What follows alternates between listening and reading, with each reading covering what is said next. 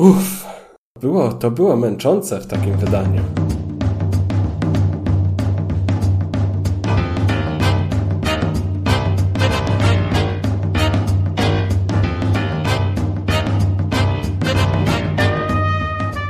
jeżeli nie lubisz tego klasycznego whisky smaku, no bo to nie każdy lubi, nie każdy ma tak wysublimowane kubeczki smakowe e, na języku oraz wszędzie indziej w ustach, gdzie, gdziekolwiek też one są, a to mogę Ci polecić kilka fajnych. Na przykład Jim Beam ma naprawdę zajebiste whisky sygnowane jako The Red Stag, e, czyli tam czerwony leleń, czy tam poroże.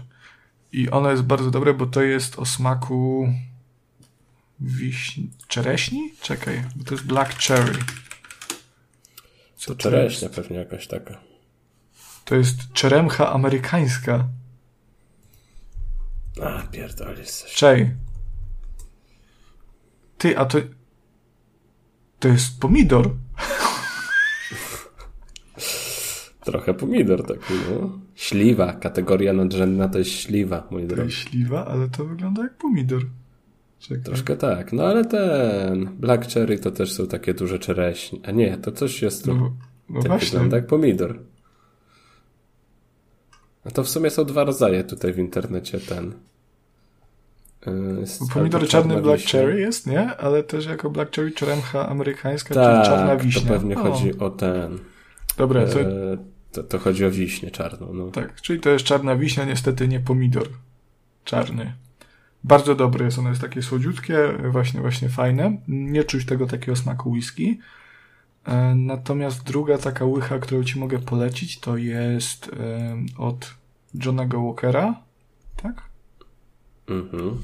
Tak, no. Johnego A z kranu Walkera. ma płynąć Johnny Walker. Nie Johnny Walker. Jack Daniels, przepraszam. Dobrze. Jacka Danielsa whisky. Tennessee Fire ono się nazywa bodajże. Mm, jest absolutnie przepyszne, bo ono jest cynamonowe.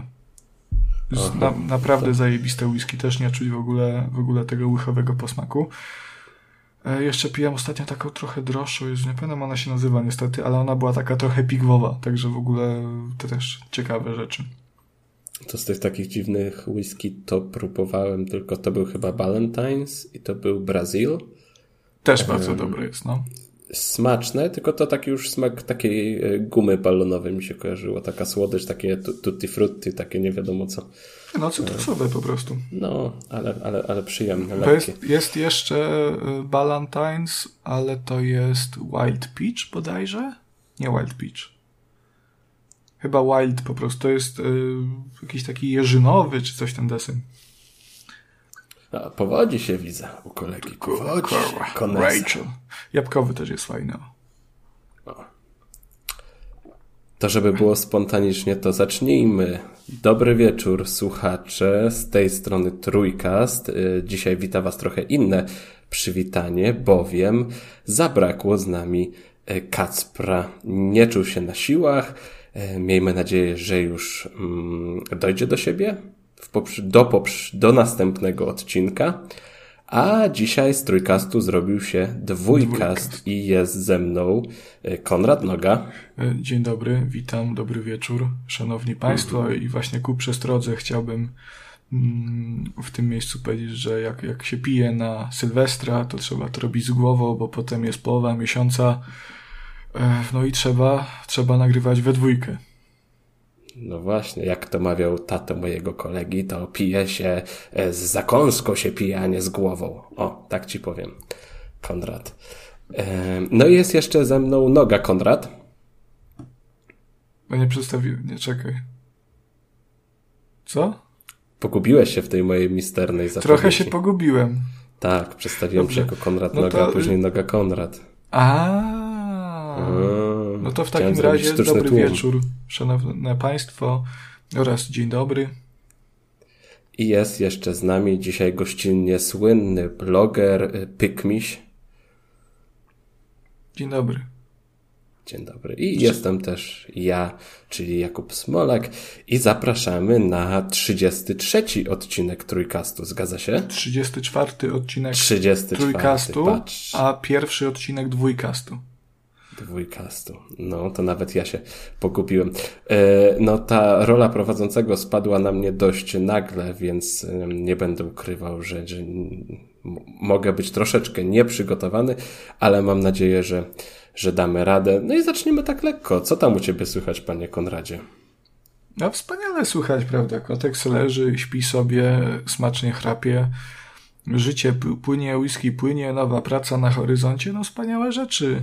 Dużo giereczek, chińskich bajek. W ogóle ostatni miesiąc, odkąd żeśmy się słyszeli, to mi jakoś tak dziwnie upłynął na oglądaniu chińskich bajek i graniu w chińskie bajki, także pod tym względem troszkę nadrabiam brak Kacpra. Dzisiaj ja będę tym od marudzenia, a i od chińskich bajek zarazem. Hmm, a czy możemy już obawiać się, że się zaraziłeś i już nie wrócisz do normalności, że już chińskie bajki za bardzo wryły się w twoją psychikę? Mam nadzieję, że nie, bo już mi trochę te chińskie bajki, przyznam, wychodzą bokiem. Są bardzo fajne, o części z nich nie mogę jeszcze mówić. E, natomiast te, w które grałem, bo grałem sobie na przykład w Valkyrie Profile Lenneth, o którym jeszcze nie będę mówił, ale grałem sobie również w Crisis Core Final Fantasy VII Reunion, o którym będę dzisiaj mówił, a także kilka innych pomniejszych tytułów. E, Ghost in the Shell'a sobie obejrzałem na przykład. No to te chińskie bajki są bardzo fajne, no ale też umówmy się, jako człowiek y, cywilizowany, europejski, no to chciałbym sobie tam jakieś poglądać, nie wiem, y, dom zły, prawda, czy jakiegoś smutnego wesele może. Takie smutne rzeczy nasze tutaj europejskie, polskie najlepsze, wiadomo, a nie tam małe dziewczynki i furrasy. No i wiadomo, w Gotika jeszcze by wypadało zagrać i w Heroesków. A mam ochotę ostatnio w Gotika zagrać właśnie. Ja bardziej w Heroesków, e, ale też strasznie mnie do Cyberpunka e, Mm, kusi wrócić, ale bronię się jak mogę, żeby, żeby nie zainstalować tej gry. A czemu nie do Wiedźmina? Y, do Wiedźmina też, bo trochę ten patch na, na, na nową generację, poprawiający grafikę, trochę mnie kusi, bo ludzie takie piękne zdjęcia postują na Twitterze. Y, no ale cholera, no nie mam 100 godzin. No nawet jakbym się skupił wyłącznie na tym głównym wątku, no to i tak te 40, 50 pewnie by trzeba było w tę grę wsadzić. Ale jakoś, no, bo, boję się. Ale ty przeszedłeś tego e, Wiedźmina wcześniej, czy to by było twoje pierwsze podejście? Nie, przeszedłem wcześniej, przeszedłem. No. I nie masz save'ów starych? Yy, znaczy, jeśli Steam je gdzieś zarchiwizował, to powinienem mieć, a chyba Steam mi się, archiwizuje. Wydaje mi się, że akurat przy Wiedźminie, bo to nie, nie, nie we wszystkich grach na Steamie save'y lecą w chmurę, ale wydaje mi się, że Wiedźminie mogłyby tam pójść, więc jakbyś sobie odpalił, to może by były te twoje savey sprzed iluś tam Ale lat. mnie takie, takie granie mnie nie kręci ci, yy, od razu powiem. Ale? Jak wracam do jakiejś gry, to nawet i od początku wolę. No ta nowa gra mnie w ogóle nie interesuje. To znaczy, ja nie, ja nie mówię nawet, wiesz, o nowej grze, nie mówię też o takim wejściu, żeby sobie tam pojeździć konikiem, porobić zwiątka, tylko y, ja w sumie sobie taki planuję taki powrót, bo, bo sobie poczytałem o tych grach, nie? I chyba dwa odcinki temu żeśmy rozmawiali y, o tym, czy planujemy do tego Wiedźmina wracać i tam mówiliśmy, że nie widzimy właśnie to sensu, także tutaj się troszkę powtarzamy.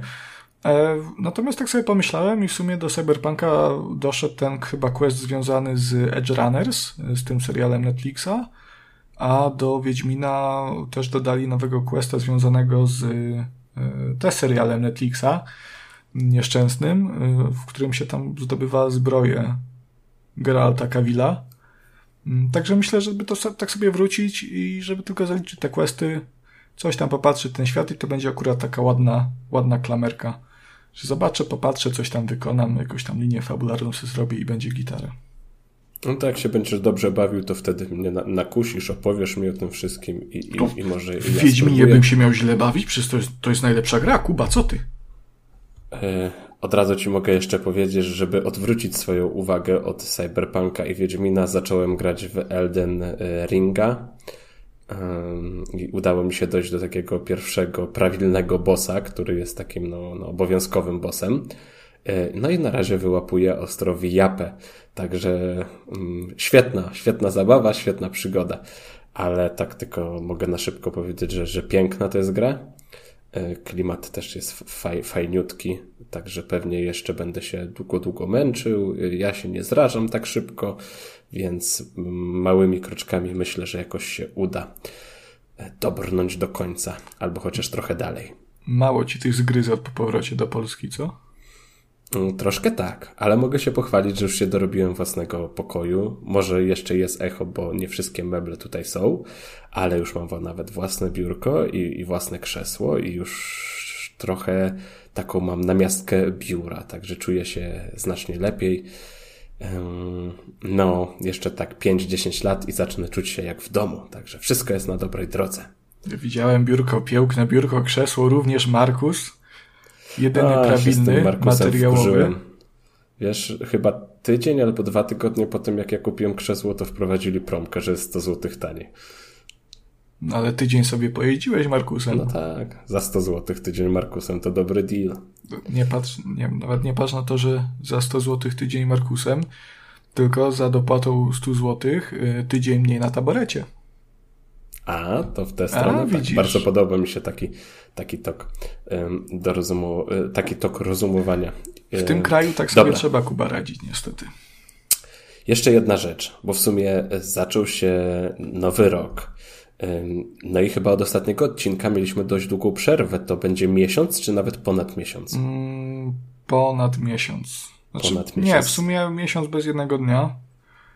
Ale, ale na długa przerwa. Zresztą odkąd przez ostatnie pół roku mieliśmy dość długie przerwy, tak czy tak, nie? Więc nie wiem, czy Właśnie to możemy teraz rozpatrywać jako, jako dłuższa przerwa, ale e, co to, to mnie bardzo boli, że, że taką standardem trójkastowym stał się jeden odcinek w miesiącu. Mm. No i żeśmy sobie pogadali, e, bo wiem Kuba, że do tego zmierzasz ostatnio i stwierdziliśmy, że nowy rok no, nowimy i nie tyczy się to wcale dwójkastu. No ja się zapisałem na siłownię. To o to chodzi? O Boże, nie. Nie, nie dobra. Nie. E, I doszliśmy do wniosku, że w sumie mm, trzeba coś z tym zrobić. I do tej pory, jako że to jest trójkas, no to obowiązek był na każdym odcinku obecności każdego z prowadzących. E, natomiast no, w tym roku chyba, chyba z tego zrezygnujemy. Postaramy się, żeby te odcinki były, były częstsze. Mm, tak będziemy celować to klasyczne dwa tygodnie, także po premierze tego odcinka. Następny powinien się ukazać pod koniec stycznia, jak nie mam. Ewentualnie na początku lutego. No i tak to się będzie toczyć, tylko to właśnie z zapowiedziami te, tego typu zmian to jest w ogóle urocze, bo zawsze, zawsze tego typu zapowiedzi, one się źle kojarzą, przynajmniej mi. Mm, a myślę, że każdemu, kto gdzieś tam w YouTube'owej strefie się obracał, E, jakiś YouTuber, YouTuber wychodził i to mówi, no tam kurde, ostatnio to ciężko było, ale teraz, teraz będzie lepiej i potem znikał na trzy miesiące, więc mam nadzieję, że ta, e, ta zasada nie będzie obowiązywała również w naszym przypadku. No, ale w, tak w skrócie możecie się spodziewać, że będziecie nas słyszeć częściej. Mm, także chyba fajnie, mam nadzieję, nie? Chyba, że wszyscy będą mm, nie wiem, no, jak kogoś zabraknie, to wtedy może być komuś przykro. Nie wiem, jak się tam rozkładają sympatie słuchaczy wedle naszych osób, ale no. E, miejmy nadzieję, że wszyscy zawsze będą i trójkast dalej będzie trójkastem. Także proszę nie chorować, proszę mm, nie pracować najlepiej. Proszę też nie organizować sobie wolnego czasu. Jest tylko trójkast, trójkast i trójkast. Tak, trzeba Ale brać... też Trzeba brać przykład z Maryli Rodowicz i odmrażać się wyłącznie na nagrania podcastu, kolejnych odcinków. Chociaż wtedy może być problem z graniem w gry, także i śledzeniem newsów. Także no to jest taka no taka zamiana niefajna. Mam też nadzieję, że mm, uda nam się wielu fajnych gości ściągnąć do najbliższych odcinków i to, że może czasami będą jakieś braki w składzie trójkastu, będzie taką motywacją do tego, żeby jeszcze ktoś do nas dołączył gościnnie, ale tutaj nic nie obiecujemy. Jak wyjdzie, tak wyjdzie. Miejmy nadzieję, że będzie dobrze. Mm, no i trzymajcie kciuki za nas, a za, za jakiekolwiek niedogodności z tym związane przepraszamy.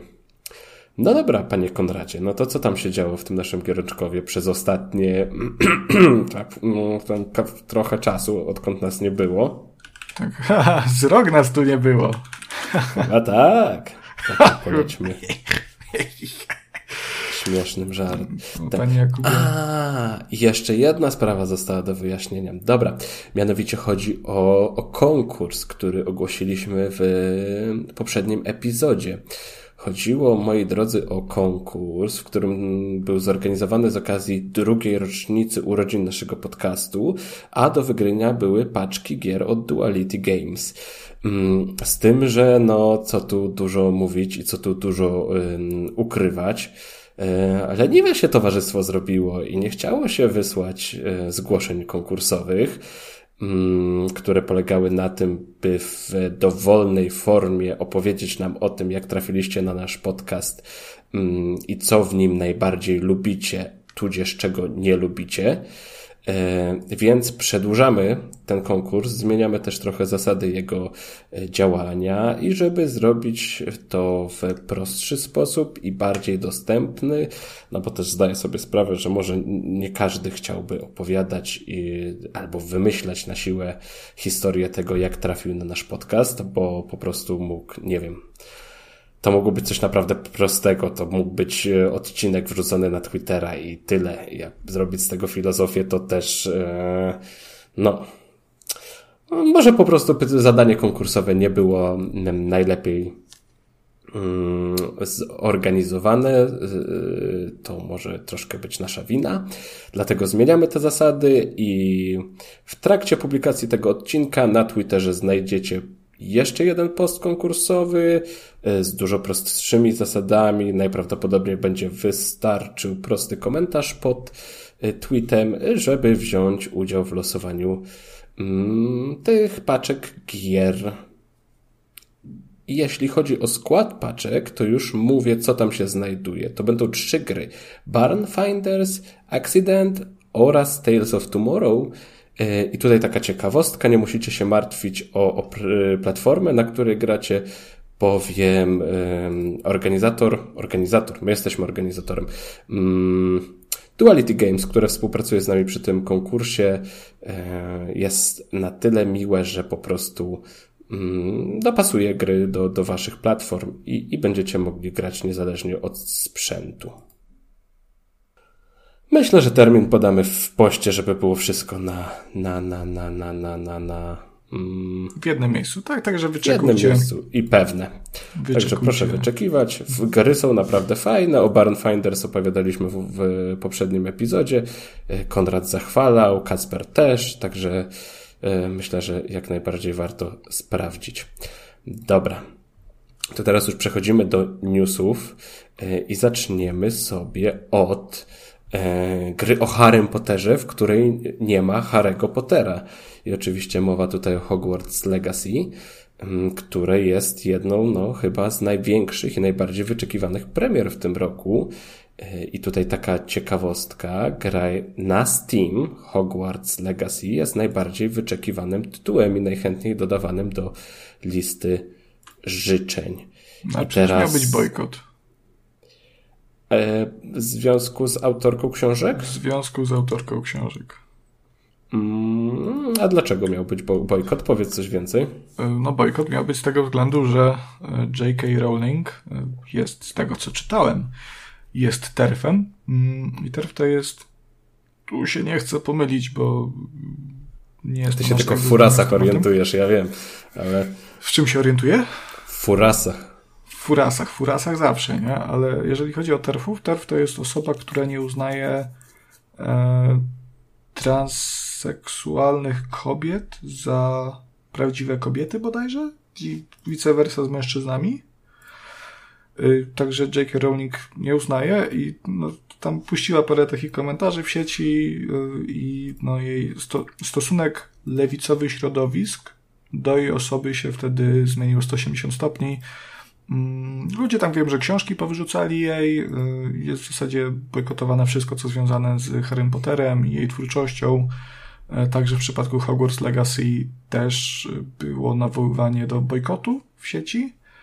Mm, no jak się bojkot w sieci kończy, no to wszyscy wiemy, że od, od wielu, wielu lat no, gra się sprzedaje świetnie zazwyczaj. No tak, zazwyczaj nawet... nakręca to po prostu dodatkowo, dodatkowy marketing, tak? Tak, to trochę jest... tak. Na, na, najbardziej mi się podoba przykład takiego bojkotu graczy z y, przed 14 lat teraz. E, w, on był związany z Modern Warfare II, tym pierwszym Modern Warfare II, tym najlepszym z 2009 roku. e, bo tam wyszło na jaw bodajże, że nie będzie serwerów dedykowanych, tam było faktycznie tylko e, matchmaking.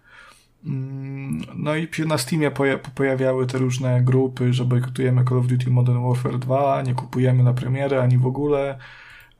I ta no i jak się okazało, w dniu premiery jest ładny screenshot, no gdzieś krąży po sieci. E, było zdjęcie właśnie członków tej grupy i co praktycznie co drugi, jak nie jeszcze no, dwóch na trzech, nie powiedzmy tak, właśnie grało w najnowsze Call of Duty. Także no tak się kończą bojkoty w sieci. Czy słusznie, czy niesłusznie, każdy sobie to oceni sam. E, no my nie jesteśmy jako trójkast tutaj od podejmowania takiej e, polityki i dyskutowania na takie tematy. E, no ale cóż, no Hogwarts Legacy numerem jeden na Steam. Mm. Ja, ja osobiście jakoś niezbyt bardzo czekam, bo uniwersum Harry'ego Pottera jakoś bardzo bliskie mi nie jest, chociaż jako, mm, jako szczenię młode bardzo namiętnie czytałem i wyczekiwałem tej ostatniej części. Pamiętam, że tam super było i się czytało i fajnie. Ale jakoś tak, żeby z jakimś takim nabożnym stosunkiem do tego podchodzić, to no, no, no nie. No pewnie zagram, bo wygląda w miarę ciekawie, ale, ale klasycznie, no nie na premierę i nie za pełną cenę. Jak już będzie w Game Passie, tak? Albo na Epiku za darmo. Bardziej w, na, w Epiku za darmo, bo jednak tam w gry z Game Passa to tak średnio lubię grać. Mimo, że był to jeden z powodów, dla którego kupiłem Xboxa, no to jednak wolę mieć te gry na własność, tak czy tak. Mm -hmm. Mi się jeszcze a propos bojkotu to przypomniała sytuacja z Olgą Tokarczuk, bo tam chyba po jednej z ich wypowiedzi była jakaś duża właśnie afera. To świeża sprawa chyba. No, tak, tak, w miarę tak. Znaczy ja teraz bardzo nie ogarniam w czas i nie jestem w stanie oszacować, ile minęło czasu od danych wydarzeń. To chyba bo za dużo, się, za dużo się dzieje. Bo to chodzi o to, że powiedziała, że jej książki kurwa, nie pamiętam tego cytatu dokładnie, ale to chodziło o to, że jej książki są dla elity, a nie tam dla jakiegoś takiego popołudniowego czytania.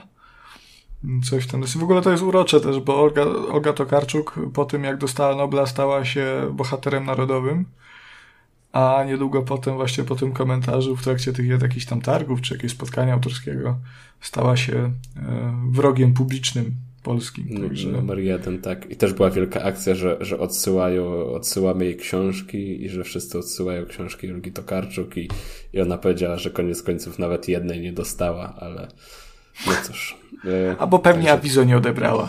Taka pewnie sprytna. Tak. Pewnie tak. Mm. Także wiele osób czeka na Hogwarts Legacy.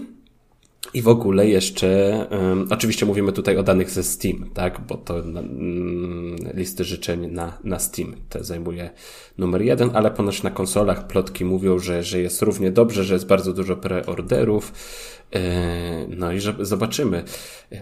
Czytałem jakieś tam oczekiwania względem sprzedaży, no to jeżeli gra zbierze przyzwoite recenzje, no to ta sprzedaż na poziomie 5-7 milionów powinna być zagwarantowana w tych pierwszych dniach od premiery. Także to, to, to całkiem spoko. Mm, a w ogóle sam Steam ma się czym pochwalić, bo w tym tygodniu platforma pobiła rekord, jeśli chodzi o ilość aktywnych graczy.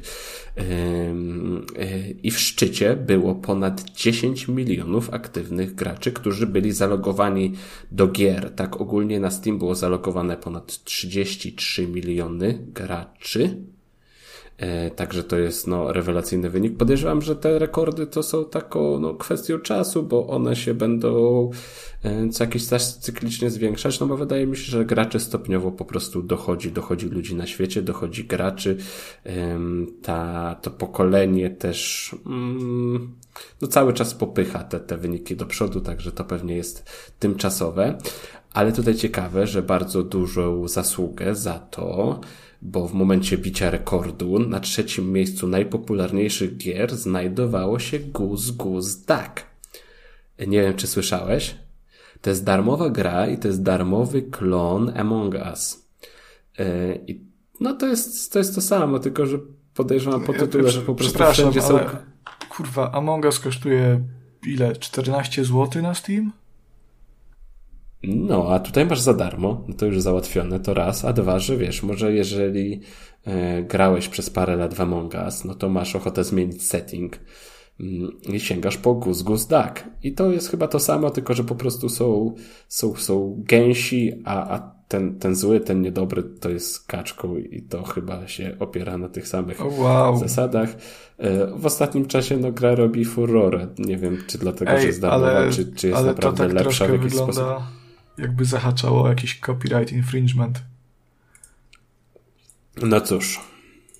Znaczy, no nie, no w sumie przesadzam, bo jest, jest y, no podobnie graficznie. No te zresztą jest, ja wiem, że jest tak, że mechaniki e, gry nie, pod, nie, pod, nie podlegają patentowaniu, także sobie nie można tam, w sensie może nie tyle o patentowaniu, co e, prawu autorskiemu. W sensie, że jak masz Pacmana, to nie, nie możesz sobie Mm, powiedzieć, że ktoś narusza twoje prawa autorskie, robiąc grę na podobnych zasadach, ale no to, to strasznie blisko. Znaczy urocze to jest.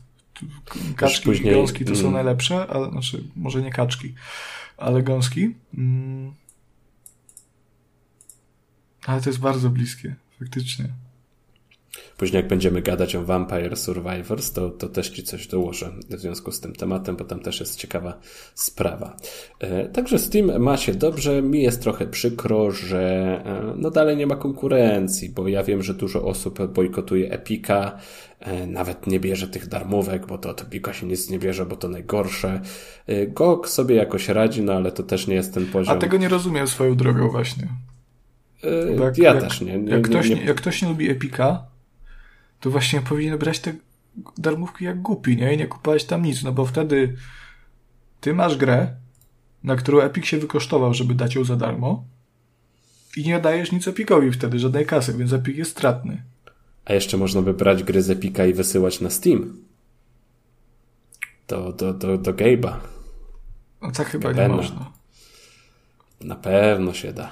Też odsyłamy gry Gabe'owi. Gabenowi. E, także no, trochę wydaje mi się, że dla graczy byłoby lepiej, jakby Steam miał troszkę taką no, bardziej wyrównaną konkurencję, a, a, a nie konkurencję działającą na zasadzie walki o atencję. Ale to mm. nie ma szans na to, mam wrażenie, wiesz, bo przez to, że Steam jest już. Coś naprawdę musiałoby pójść nie tak ze Steamem i to tak bardzo, bardzo mocno, nie wiem. musieliby ludziom zacząć gry nagle znikać skąd wszystkie no bo Steam już, już tak naprawdę jest synonimem grania na PC.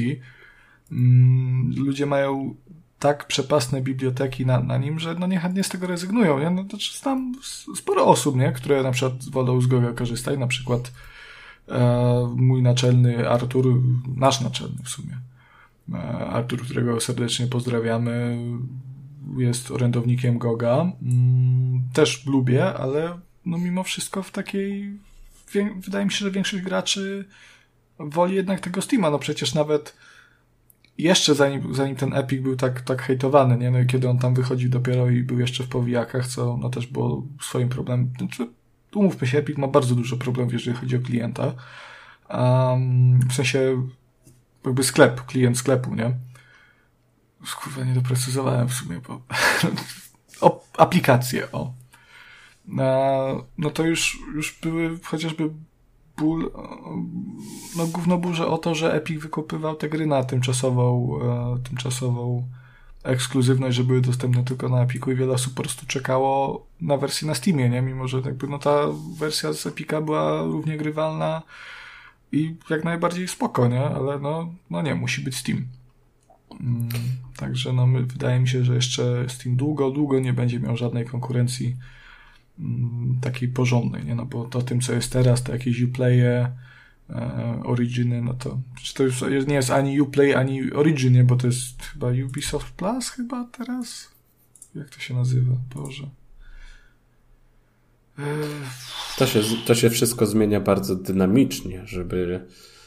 Jest, czekaj, jest, zamiast Origina jest EA Desktop, a zamiast y, Uplaya jest Ubisoft Connect. No.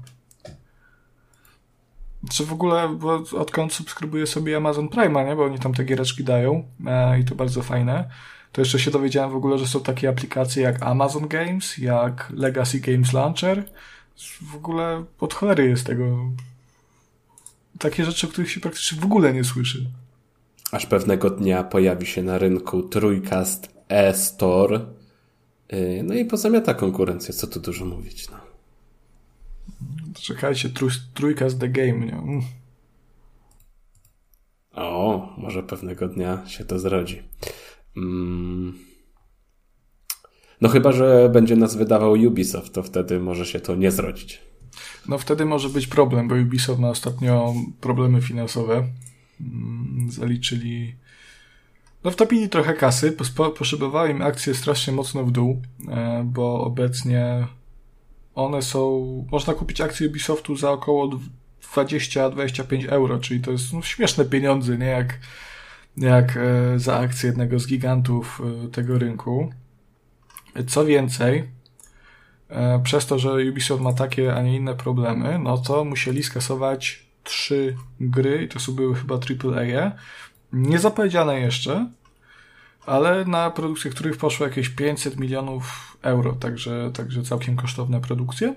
No, A myślisz, że, w, hmm? że wśród tych produkcji były jakieś takie te duże marki Ubisoftu, jak Asasyny albo Far Cry, czy to były jakieś takie mniejsze projekty, albo w ogóle nowe marki?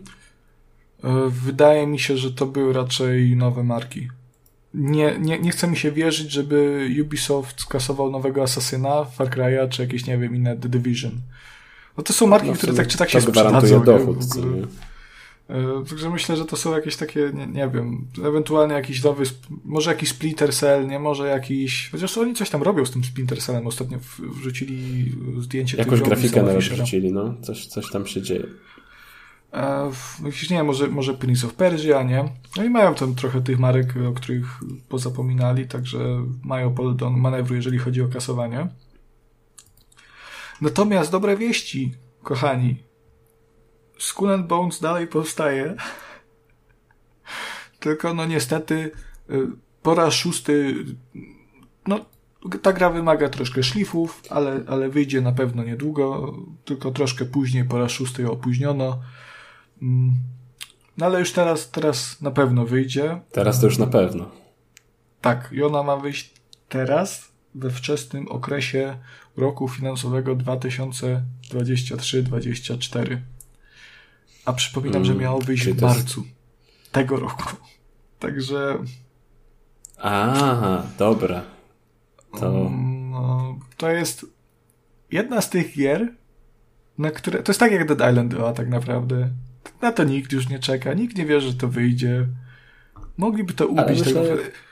Z drugiej strony to też jest tak, że oni już wsadzili w to tyle pieniędzy, że głupio im to teraz, wiesz, anulować i, i chcą to wypuścić, żeby cokolwiek może jeszcze na tym e, zarobić. Podejrzewam, że też tam w momencie, no przed powiedzmy czwartym czy piątym przekładaniem premiery, oni naprawdę w to wierzyli, że dostarczą tę grę na czas, że ten proces produkcji i te koszta nie będą już rosły, że to e, nie będzie aż tak źle wyglądało. No i jest no jest jak jest. Ja jestem tylko ciekawy, czy z tej gry da się coś jeszcze uratować, bo to musi być naprawdę źle.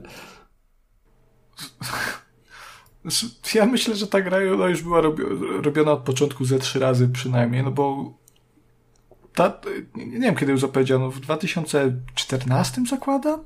To prawie 10 lat temu. I najlepsze jest to, że to jest gra, która miała powstać żeby skapitalizować ten sukces Black Flaga, nie? Że tam to mm, nawet nie tylko Black Flaga, nie? Ale, ale nawet jeszcze Asasyna Trójki, bo już tam się pojawiło to pływanie, bo Black Flag powstał na, na kanwie trójki, żeby skapitalizować sukces tej jednej mechaniki, a Skull and Bones miało znowu powstać na kanwie czwórki, żeby skapitalizować tę jedną grę, ten jeden pomysł, nie? Czyli A może oni po prostu czekają na następną grę udaną piracką, żeby to puścić wtedy, wiesz, i tak przedłużają co jakiś czas. Ale to jest masakra, bo w międzyczasie dostaliśmy Sea of Thieves, które skutecznie zrobiło to, co miało zrobić w sumie Skull and Bones. No i teraz jest takie, no nikt na to nie czeka, już tak to jest takie, mówię, no zainteresowanie tym, tym trupem, nie? Leżą zwłoki yy, i, i ten, tak jak kiedyś leżały w tych, w kryptach za kościołami gdzieś tam nie, nieboszczykowie czeka, czekający na pogrzeb, gdzieś tam się dzieci zakradały, żeby popatrzeć na trupa. No to... to fajne, fajne mieliście zabawy. to akurat nie ja, nie? My to woleliśmy chowanego, albo w Państwa i Miasta się grało, a tam oglądanie trupa to tak mniej, no ale dobra.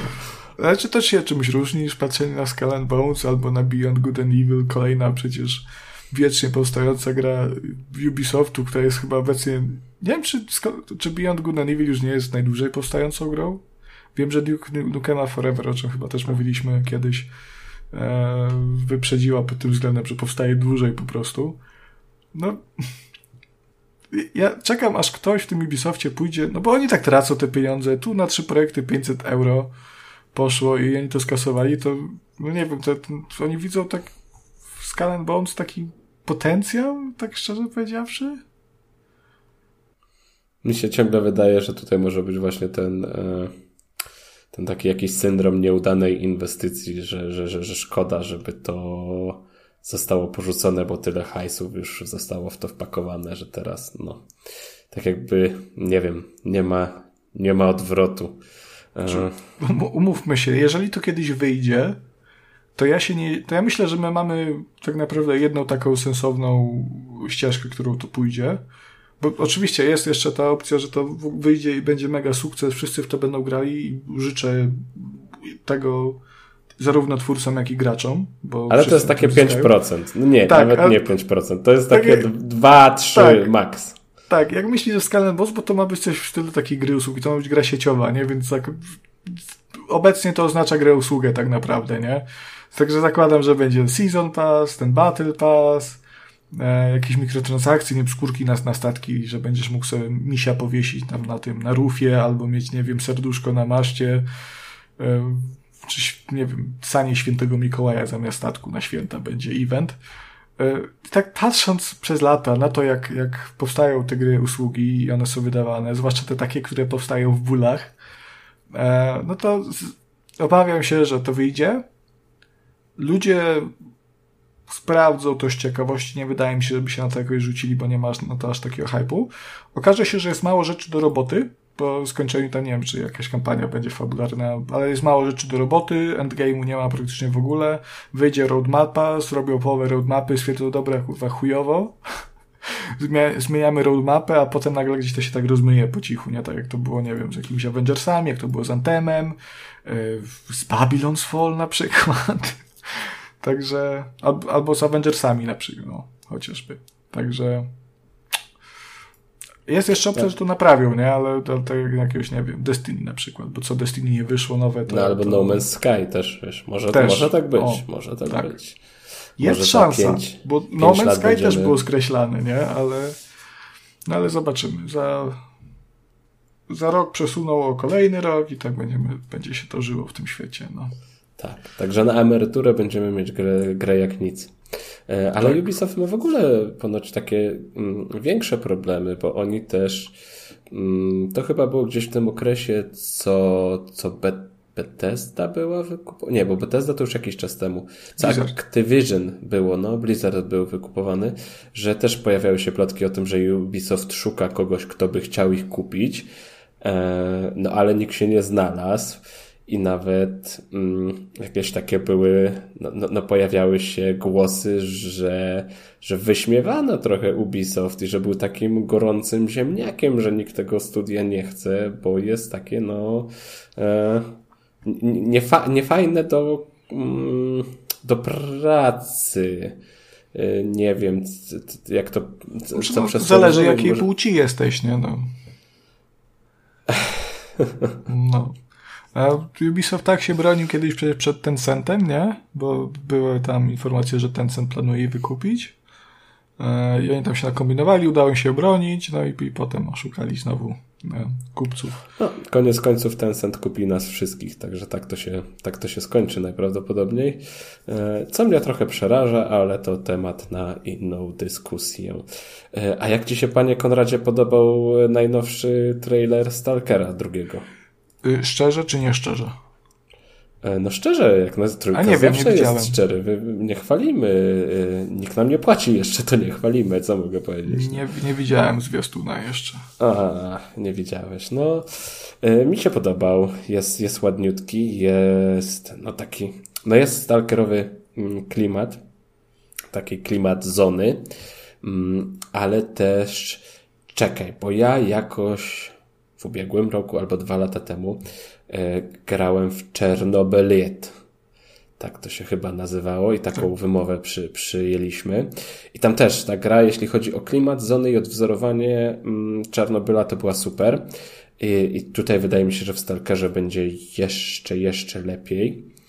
Mm, no i ogólnie wokół Stalkera, przez to, że, że studio jest z Ukrainy, wydaje mi się, że będzie bardzo, bardzo, bardzo duży no nie chcę powiedzieć bałagan, będzie duży, hmm, zabrakło mi słówka, zamęt może. E, dużo osób na pewno się będzie interesować tą grą, o tej grze będzie głośno e, i myślę, że, że no, jeśli jakoś drastycznie oczekiwania fanów nie zostaną zawiedzione, no to będzie taki naprawdę, naprawdę sy syty hit. Tak sobie patrzę na ten zwiastun teraz i na ten Stalker, on poza mechanikami y, w żaden sposób nie, przy, nie przypomina tego oryginalnego Stalkera. To jest produkcja na dużo, dużo wyższym poziomie, zarówno jeżeli chodzi o jakość, jak i budżet. Mm, no, ale mi się zawsze takie podejście podoba, bo to po prostu, jak sobie wrócisz do poprzednich gier studia, e, i, i rozłożysz je sobie tak część po części, no to widzisz, że faktycznie ta ekipa robiła fajny progres i gdzieś te pieniądze, które zarabiali po drodze, one były inwestowane, e, no i to studio stawało się coraz większe, robiło coraz lepsze gry, coraz ambitniejsze gry. No, kwestia tego, żeby po prostu w pewnym czasie gdzieś tam nie ugryźć się we własny ogon i nie z, e, jakby nie przejechać się na zbyt dużych ambicjach, ale nie znaczy, wydaje mi się, żeby ja, to ja był problem nie jako, jako coś negatywnego, nie? Mi się bardzo ja to wiem, podoba. Wiem, wiem, rozumiem. Narracyjnie jest, y, przynajmniej tak wygląda, będzie, będzie dużo lepiej, dużo bardziej dynamicznie, no bo jednak poprzednie stalkery to było tak, że podchodziłeś do chłopa i y, Mirosław Uttaci czytał, co tam chłop mówił, albo w ogóle nie było czasami chyba y, nawet to udźwiękowione. Także to było bardzo statyczne. Tu jest, tu jest takie bardziej dynamiczne, te, te, te scenki przerywnikowe, dialogi. Wygląda to bardzo fajnie. Wygląda to praktycznie w sumie jak, jak Metro Exodus, nie? Poniekąd, jeżeli chodzi tak o, o taki feeling. Co myślę, że jest bardzo pozytywnym porównaniem. No i na pewno dzięki temu ta gra e, trafi do szerszego grona odbiorców. Mm, jestem ciekaw, jak będzie z e, takim poziomem trudności i tą RPGowością, nie? Bo czy z tego zrobię taką bardziej klasyczną strzelankę z otwartym światem? A czy może to jednak będzie taki, taki jednak ten bardziej klasyczny Stalker, nie? No bo w tym, w tym pierwszym przypadku to utrasi i fani oryginału mogą się poczuć skrzywdzeni. No to może iść w bardziej masowego odbiorcę, więc, więc może być trochę prościej, ale myślę, że fanów Stalkerów udałoby się jakoś udobruchać jakimś ciekawym poziomem trudności albo ustawieniami trudności. Myślę, że to jest do obejścia.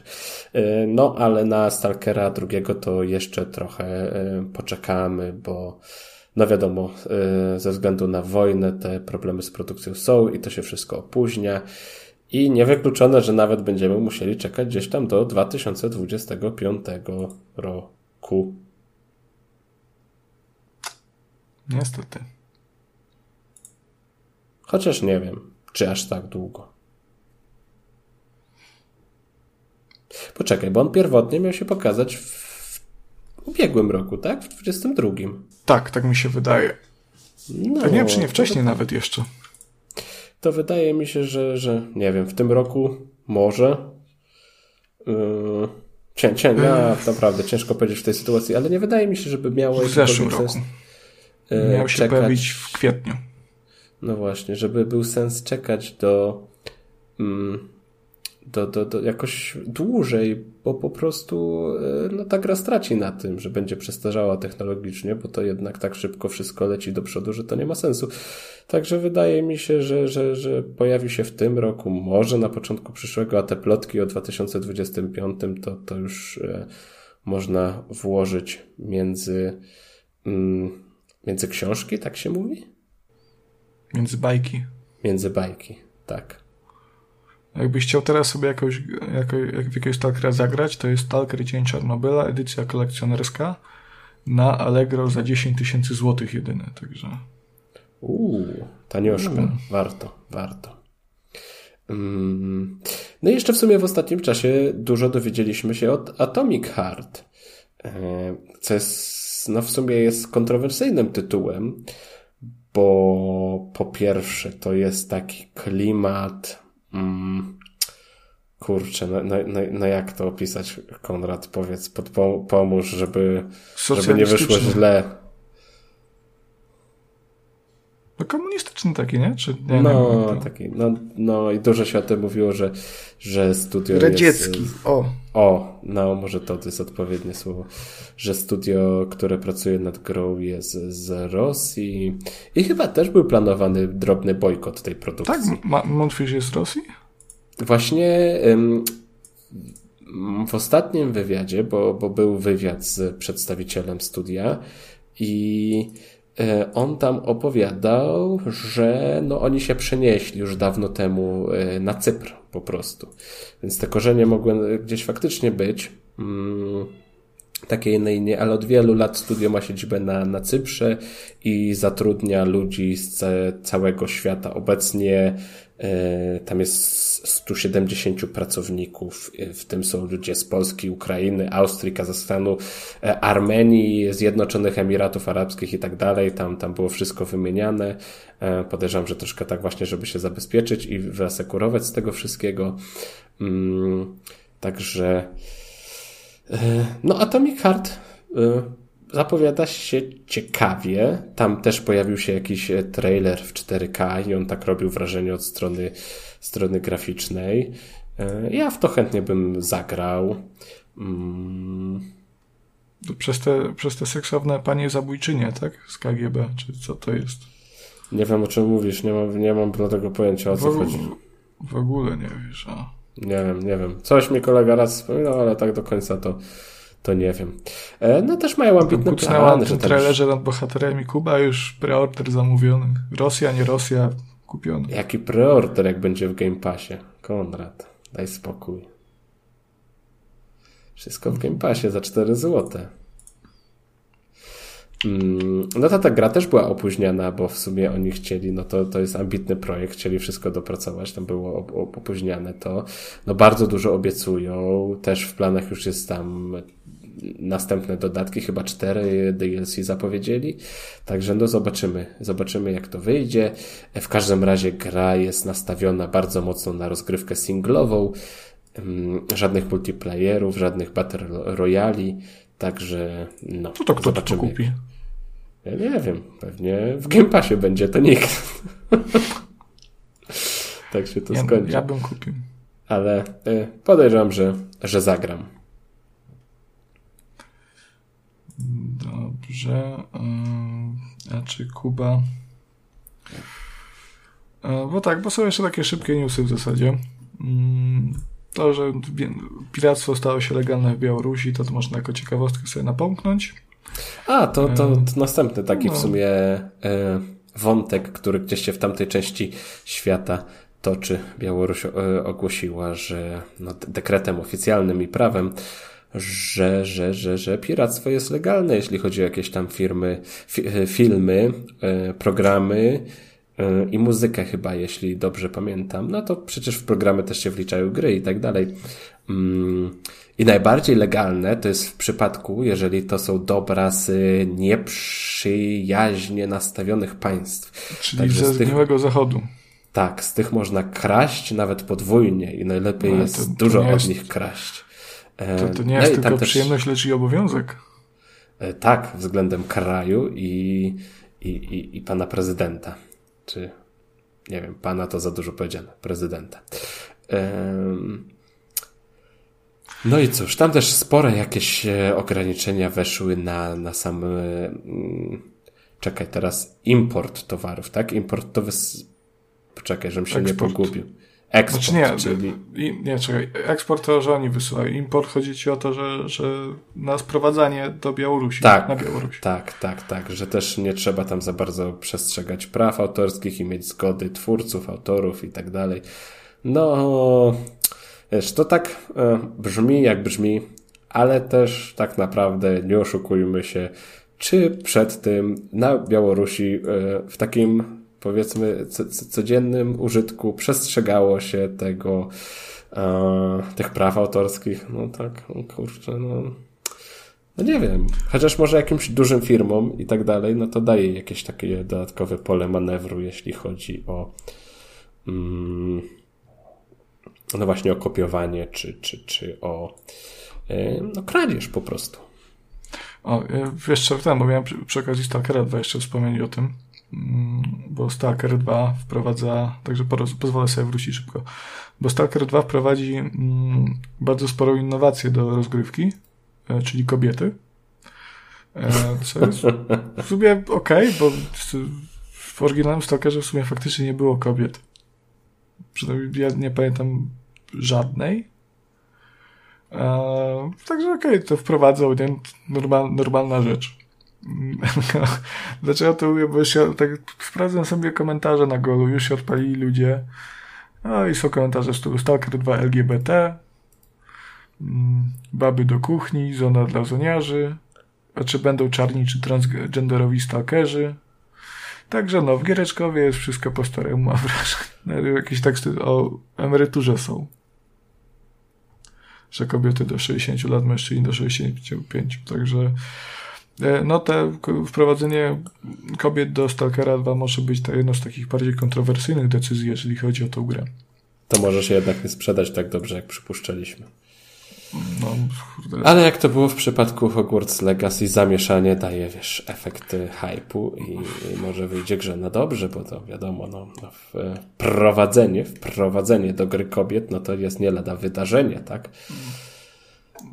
No, wszędzie, wszędzie te baby pchają. Kurwa, może nawet będzie uroczyste, tu, uroczyste przecinanie szarfy przez y, wojewodów z całego świata. Zobaczymy, jak to będzie wyglądać. Dobra, z innych ciekawych newsów y, Sony w końcu postanowiło zrobić coś dla graczy.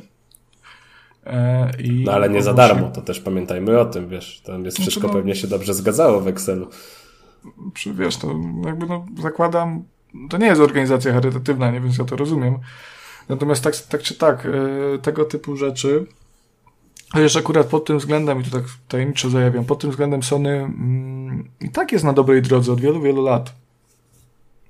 Mowa tutaj o wsparciu dla osób z niepełnosprawnościami, no bo te ich y, gry first party od lat, zwłaszcza te od Naughty Dog, nie The Last of Us 2, The Last of Us Part 1, y, one mają mnóstwo usprawnień, czy też bardziej raczej um, udogodnień, ułatwień dla osób z, niepełnosprawnościami, um, no to w końcu Sony postanowiło pójść drogą Microsoftu, który coś podobnego zrobił kilka lat wcześniej um, i wyprodukuje, bo dopiero to ogłosili, wyprodukuje coś, co się nazywa projekt Leonardo, tak się nazwa kodowa była.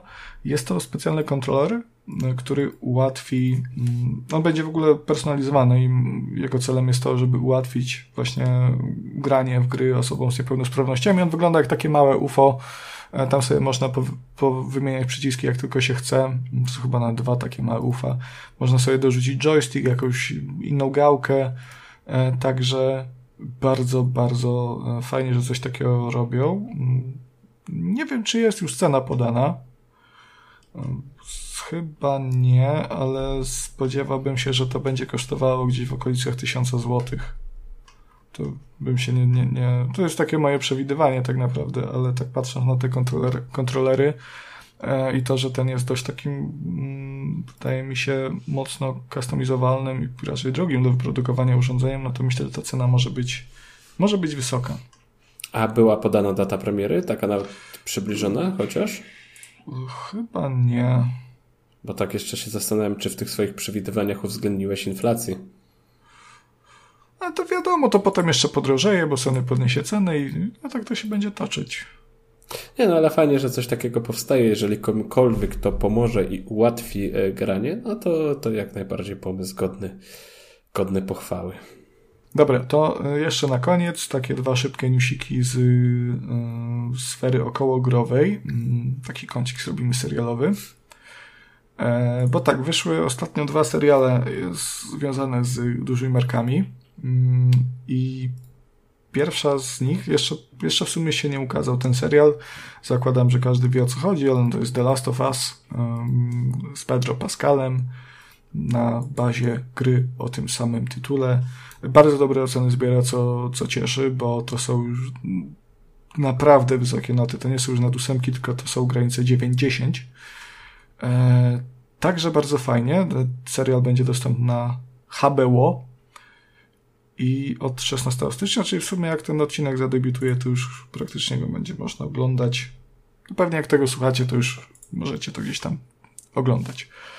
E, bo to dzień po premierze odcinka powinien pójść. Mm, także fajnie, fajnie, że ta, ta pasa tych kiepskich adaptacji aktorskich gier powoli przemija i mamy takie fajne rzeczy jak The Last of Us. Niestety y, nie przeminęła do końca i mamy też takie rzeczy, E, jak Wiedźmin Rodowód Krwi, który powstał znowu na kanwie. Znaczy to już nie jest na, nawet na bazie gry jako takiej, nie? To, to się jakoś zawsze łączy, no bo, no bo te Wiedźminy są kojarzone z grami. E, no wiadomo, były gry, później książki, później serial polski, zagraniczny serial, później spin-offy i to się jakoś tak kręci, prawda? Tak, tak. I ten. I no niestety rodowód krwi nie dowiózł, to on ma jakieś już absurdalnie złe oceny na Rotten Tomatoes i tych, i tych wszystkich agregatorach. E, narracja się pojawia taka, że to dlatego, że tam są osoby czarnoskóre i kobiety, więc gracze nie lubią.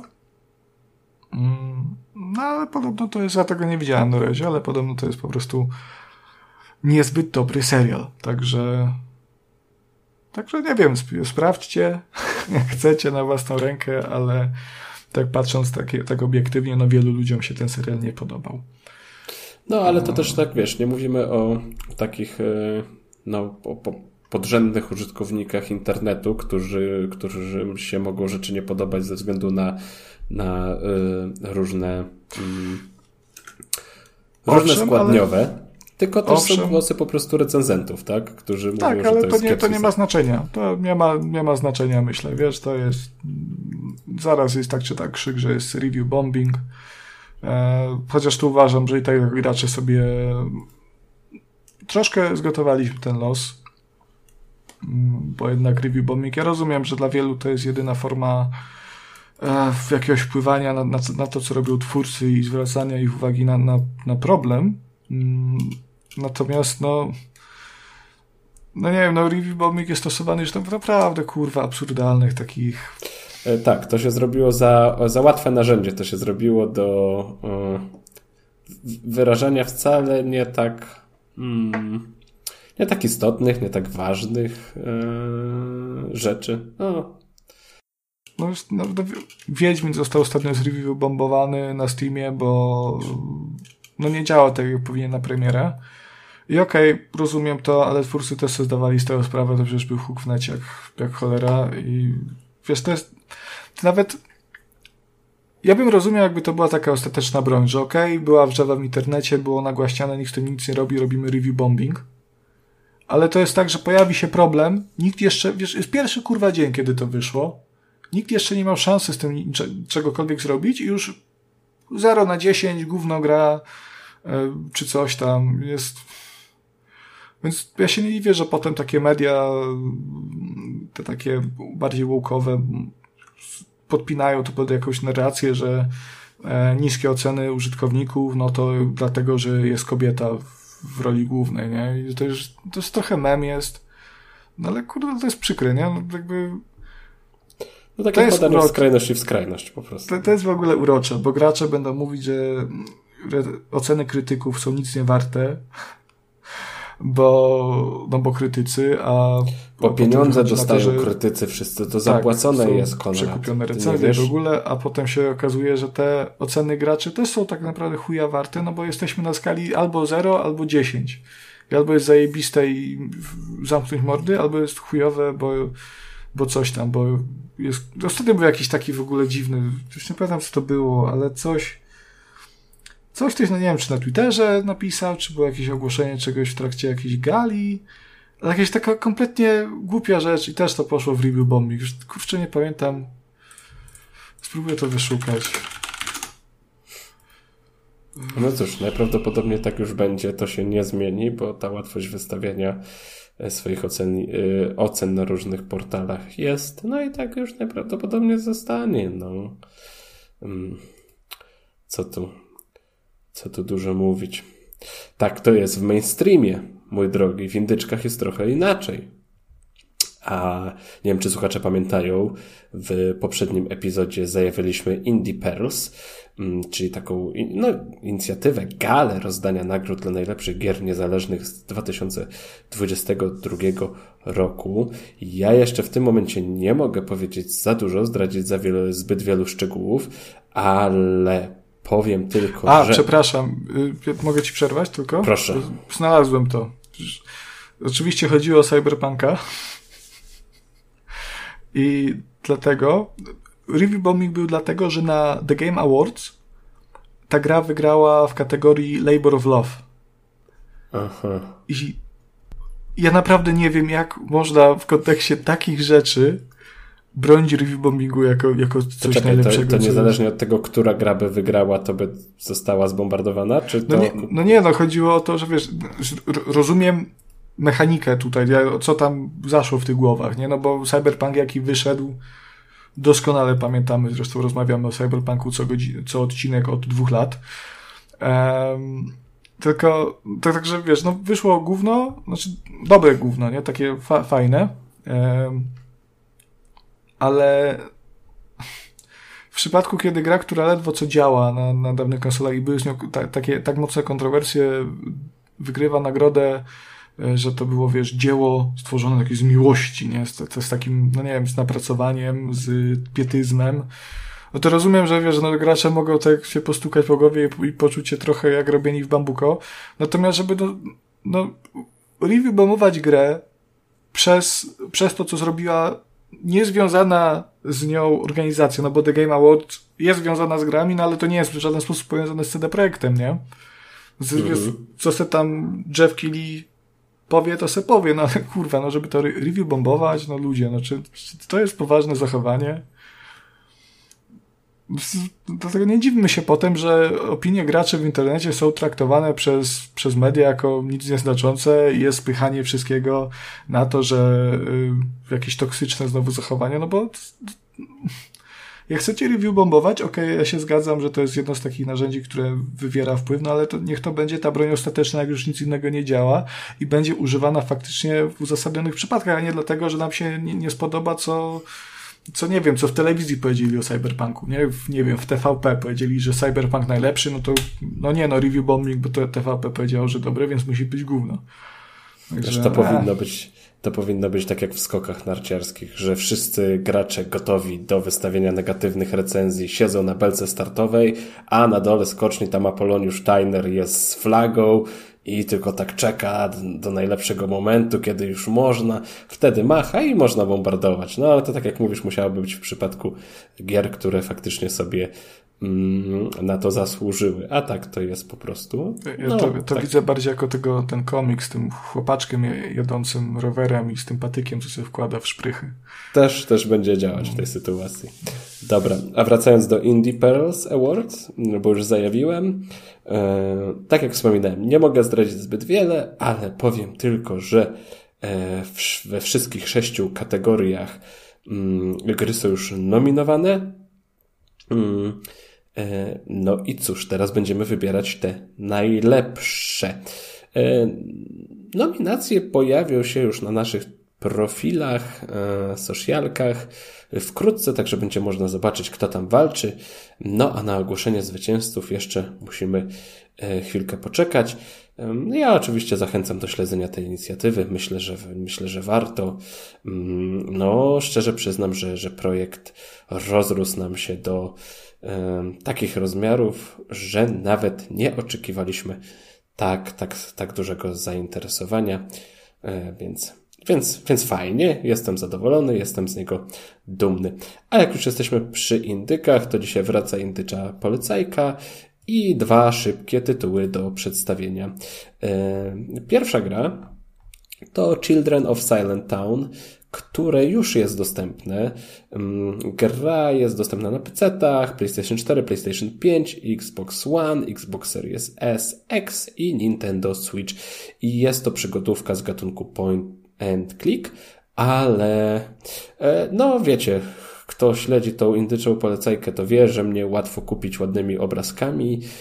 No i w Children of Silent Town e, są to ręcznie rysowane tła. E, no, cała oprawa jest ręcznie rysowana. Wygląda przecudnie, wygląda magicznie. Jest fajny klimat tej gry. Mam nadzieję, że będę miał okazję sprawdzić. Jeśli nie teraz, to w najbliższej przyszłości. Jako, że jest to point and click, no to możemy spodziewać się eksploracji, e, zbierania przedmiotów, łączenia przedmiotów, jakieś różne kombinacje, mm, rozmów, interakcji z innymi bohaterami. E, także to taka jest no, typowa e, przygodówka, która gdzieś będzie pełna zagadek. E, oczywiście mm, musimy je wszystkie rozwiązać, jeśli chcemy poznać tajemnice, a fabuła opowiada historię Lucy, która jest właśnie mieszkańcą tego tytułowego Silent Town e, i hmm, ona postara się rozwikłać zagadkę znikających ludzi, a że wioska jest położona przy samym lesie, e, z którego co noc słychać przerażające krzyki, no to tak mniej więcej możemy e, zgadywać, na czym się to wszystko będzie opierać. Wiem, Konrad, że ty byłeś zainteresowany Children of Silent Town, czy też tak. ze względu na oprawę graficzną? E, chyba głównie z tego względu, bo to jest taki bartonowski styl graficzny, bym to nazwał. Mhm. Bardzo ładny wygląd. No, no, no nie wiem dlaczego. To, to, chyba mnie to przyciągnęło tak naprawdę. Albo po prostu chciałeś to... odpocząć od chińskich bajek. Bardzo. Już, już nie mogę chińskich bajek pomocy. Dobra. I druga indycza polecajka to jest gra, która zadebiutuje wyłącznie na PC-tach i pojawi się na rynku już 12 stycznia. O, czyli dzisiaj w sumie jest premiera. Także premiera no, już była. Tydzień temu. Tydzień temu, tak. E, gra nazywa się Aquatico e, i to jest City Builder z tym, że akcja gry rozgrywa się pod wodą. Nie wiem, czy były wcześniej takie produkcje. E, były. Były, widzisz. My, ja jakoś się nie spotkałem, dlatego ten pomysł mnie kupuje i yy, głównie ze względu na to zainteresowałem się tą grą, że to będzie właśnie budowanie takiego yy, miasta pod, pod powierzchnią oceanów, no bo fabuła skupia się na tym, że yy, no, świat, który znamy, ludzkość po prostu no, no, to kataklizm przyszedł. No, chodzi o zmiany klimatyczne. O co może chodzić? Zostaliśmy zalani, więc no cóż, tak to się kończy, czy tak się coś skończy. Proszę cię, Kuba, miało nie być teorii spiskowych. Miało nie być teorii spiskowych. Dobra, przepraszam, nie będzie. E, także przenosimy się do tego podwodnego miasta. Tam sobie będziemy zbierać surowce, rozbudowywać miasto, technologię, nauka, jak to w każdym city e, builderze, po prostu e, du dużo i gęsto. Mm no i takie oryginalne warunki. Ale naprawdę nie kojarzę żadnego takiego z akcją pod wodą, bo kosmos, planety, Marsy, e, inne cywilizacje, średniowiecze to tak, ale taki, żeby był. No właśnie e, próbuję znaleźć, bo pamiętam, że grałem e, w taką grę bardzo, bardzo dawno temu. Znaczy, no pomysł brzmi jak coś, co już mogło się pojawić, bo to nie brzmi jakoś na, wiesz, super ekstra oryginalnie, ciekawi mnie, czy w związku z tym, że to miasto będzie pod wodą, to będą się wiązać z tym jakieś właśnie specjalne mechaniki. Jest, znalazłem. No, o kurde. E, to się nazywa, to co ja grałem, to jeszcze co gówniaka, nie? To już Ale ty masz pamięć, zawsze zazdroszczę tej pamięci, no. E, na tytułu nie pamiętałem, musiałem to znaleźć. To się nazywało mm, Atlantis Underwater Tycoon, tudzież Deep Sea Tycoon chyba zależy ten. I to no właśnie, no, no to był taki city builder, gdzie się budowało miasta pod e, pod wodą, gdzieś tam na dnie oceanu, ta, tam sobie chodziły takie te rybie ludziki. Jakieś też kataklizmy na, były, nie? Tam jakiś tam cyklon, nie? Czy, czy, czy podwodny, znaczy to wir wodny akurat chyba wtedy. To takie SimCity trochę miało być. Tak, tak, tak, tak, tak, tak, tak. Bo to tajką, nie? Ale, ale bardzo, bardzo, bardzo fajne to było. Dobra, to są dwa indyki, które no zajawiam. Nie mogę powiedzieć, że polecam. Polecam się nimi zainteresować, bo, zainteresować, bo wyglądają ciekawie. Chociaż chyba Children of Silent Town zbiera dość dobre opinie, także wa wa warto.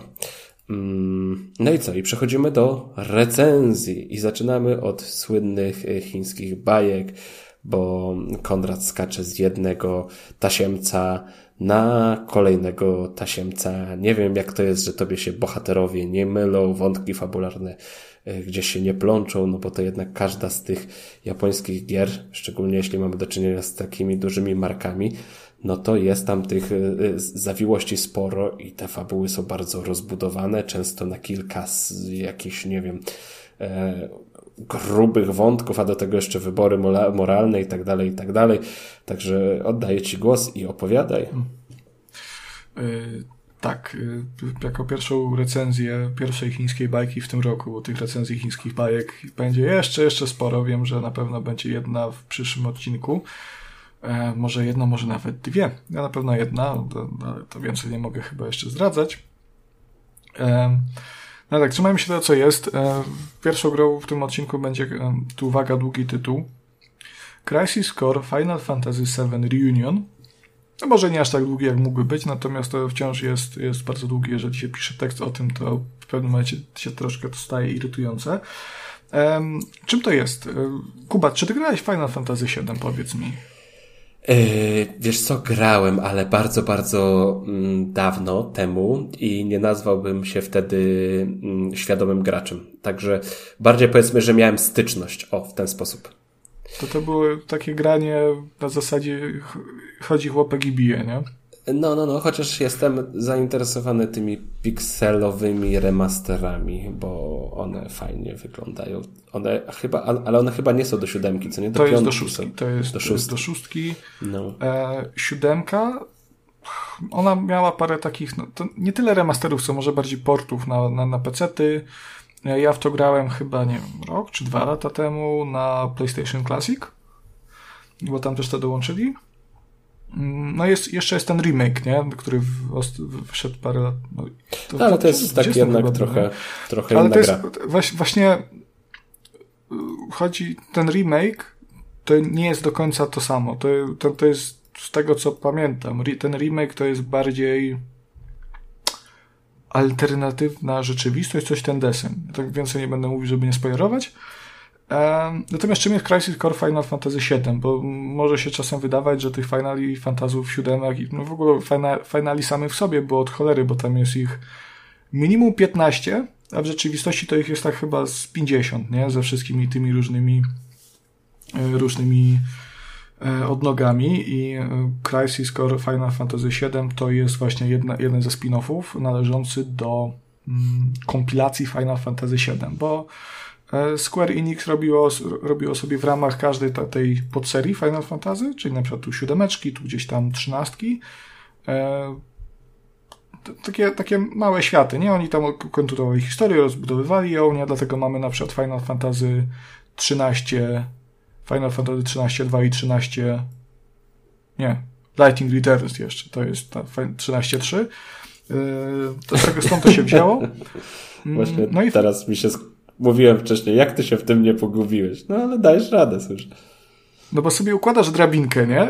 masz z góry Taką mapę masz... myśli tam sobie tak, robisz. Ma... Ale... Czy masz w pokoju na ścianie po prostu zdjęcia i takie pineski, nie, sznurki poprowadzone? Robię mapę myśli, nie? I mam tak, od, z góry na dół mam Final Fantasy od 1 do 16 i od każdego w bok, w prawo odchodzą kolejne podczęści, nie?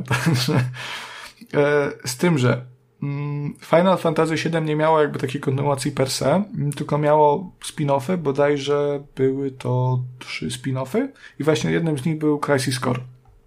Y, to jest prequel. Y, siódemki dzieje się na jakiejś chyba 4 lata plus minus przed siódemką i opowiada historię mm, Zaka Fera, który pojawił się w siódemce, on tam grał mniejszą rolę. Natomiast tu nie będę spoilerował, co on robił, bo jednak jakiś to tam spoiler jest niestety.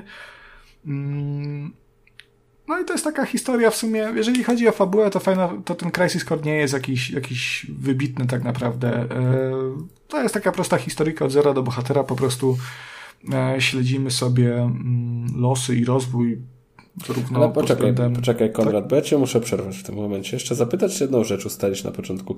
Chociaż nie wiem, czy nie, nie, nie, nie, nie, nie, nie, nie, nie, nie spowoduje sobie wielu wrogów tą wypowiedzią. E, bo ja grałem z tych finali, no to tak jak mówiłem, w te poprzednie e, siódemki, ósemki, to tak mało świadomie, e, ale też próbowałem swoich sił chyba z dwunastką na Switchu, która mm, była mi gdzieś tam bardzo mocno właśnie polecana ze względu na, na wspaniałą, fenomenalną, wybitną fabułę i ja nie wiem, czy to dlatego, że to jest japońska gra, mm, a może nie jestem jakby przyzwyczajony do tego.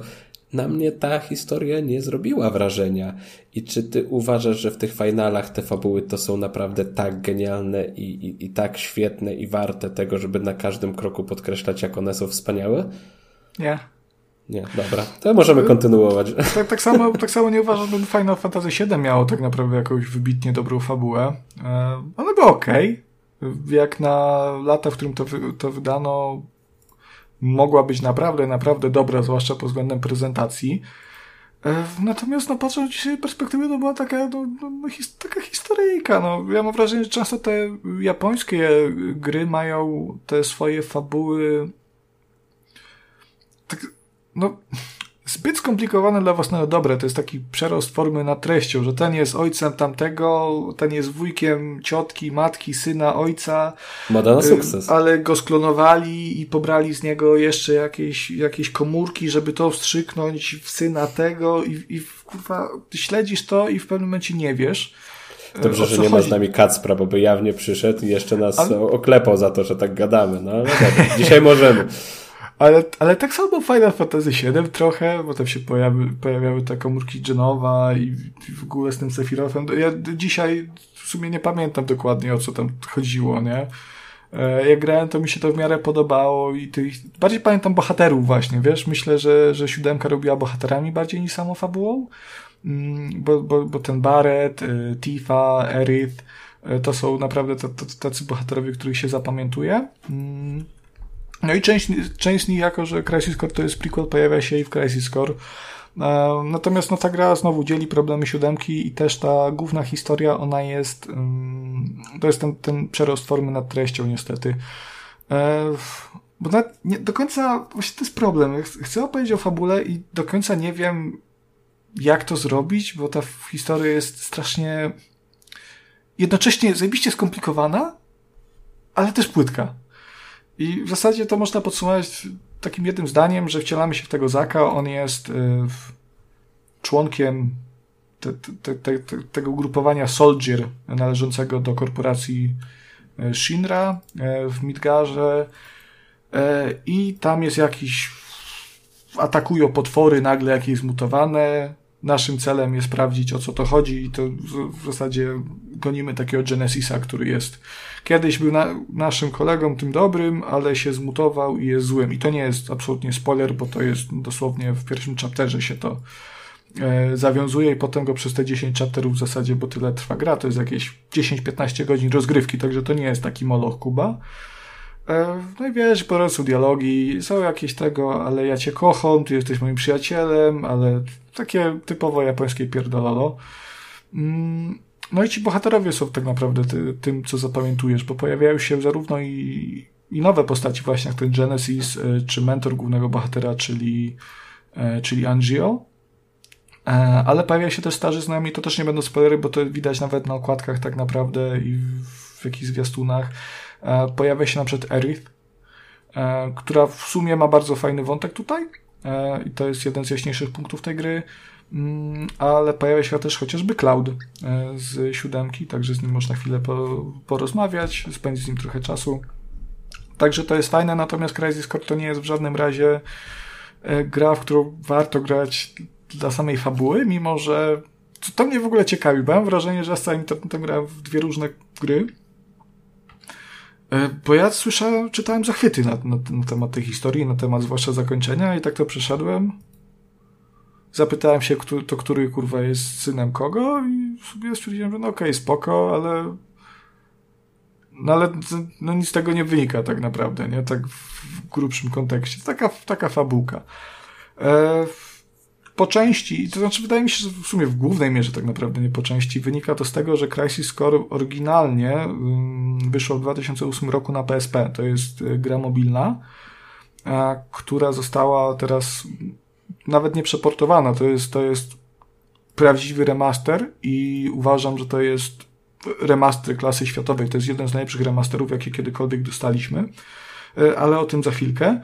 E, także przez to, że, że to była gra mobilna w oryginale, no to na PSP jeszcze, gdzie tam to UMD no nie było jakoś bardzo y, pojemne, no to ta, ta fabuła została troszkę poszatkowana i wydaje mi się, że gdyby to wyszło na na przykład PlayStation 2 wtedy, albo na PlayStation 3 już, bo to 2008 rok, y, to, że to, ta historia mogłaby być dużo bardziej rozbudowana, nie? Mm, natomiast na, całe szczęście pod względem rozgrywki jest, jest dużo, dużo lepiej. Wciąż czuć tu ten mobilny rodowód, no bo mamy Zakładam, że nie grałeś pewnie w Peace Walkera z Metal Gear Solid, nie? Nie. No, ale to jest, jak ktoś grał, to tak tylko zawie, że to jest podobna struktura gry, czyli e, mamy misje główne. Tu jest ta drobna różnica, że misje główne się odbywają ciurkiem. Plus w każdym dowolnym momencie możemy sobie z listy 50 tysięcy powiedzmy wybrać e, misje poboczne, które się, które się odbywają na zamkniętych planszach, są króciutkie, to jest tak no 5 minut na misję tak naprawdę, nie? E, także to jest wszystko stworzone tak, żeby na mobilce, gdzieś tam jak siedzimy na toalecie, u lekarza, w kolejce, czy siedzimy w autobusie, żeby wyciągnąć to PSP i sobie pograć. Także nie, to też nie jest, nie jest tak jak w tych nowych finalach, czy że tam jest to jakieś mega wielkie, długie. I to działa na korzyść tej, tej gry, bo ta gra jest naprawdę bardzo dynamiczna. Tutaj też w, w Crisis Core bodajże po raz chyba pierwszy e, pojawił się system walki, który teraz jest we wszystkich finalach, czyli to jest ten taki bardziej slasherowy. Bo w 12 chyba był jeszcze ten taki.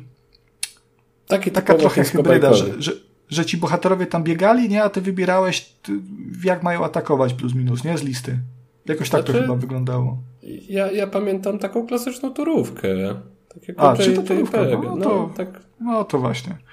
E, no to tutaj turówki nie ma, to jest bardziej slasher, natomiast pewne takie elementy, które z y, Final Fantasy VII były popularne i stały się wręcz kultowe, e, jak na przykład limit breaki, e, czyli te ładowane w czasie ataki specjalne, pojawiają się także tutaj, natomiast tutaj limit break działa trochę inaczej, czy w sumie w ogóle inaczej, bo przerobili to na takiego jednorękiego bandyty. Cały czas jak gramy i jest ta walka, to w lewym górnym rogu mamy, mamy taki właśnie, chcę powiedzieć ruletkę, ale to nie jest ruletka, mamy tego, te trzy takie sloty, nie jednorękiego bandyty, które się cały czas kręcą, co jakiś czas topują i w zależności od tego, jaki tam numerek wypadnie, no to na przykład możemy sobie przyzwać sumona jakiegoś tam Gargam Bandarofa, który, gdzieś tam zionie ogniem, no, laserem strzela, wysokie obrażenia zadaje, albo może e, dostajemy buffa i nasze ataki magiczne nie zużywają nam many. Mm, no a czasami też na przykład można kolegę przyzwać, nie? I na przykład Cloud wpada na chwilę, czy tam jakieś, znaczy na, na nie on wpada, tylko sobie przypominamy, Badr sobie przypomina Clouda i jakiś tam atak z nim związany wykonuje też za większą ilość obrażeń. Czyli to jest ten taki aspekt losowości. To brzmi strasznie, natomiast w rzeczywistości takie nie jest w sumie. Mm, tak się nie czuję. No to wpada, klikamy sobie Y, puszczamy tę super umiejętność i lecimy dalej. E, także, także to nie jest tak, że możecie przegrać całą walkę, bo wam źle, źle szczęście wyjdzie, nie?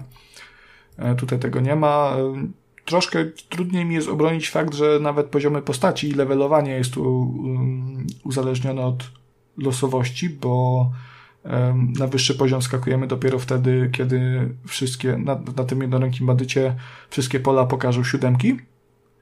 E, także możemy w ciągu godziny, dwóch godzin grania wylewelować raz, tylko po to, żeby potem w ciągu pięciu minut wbić trzy kolejne levele.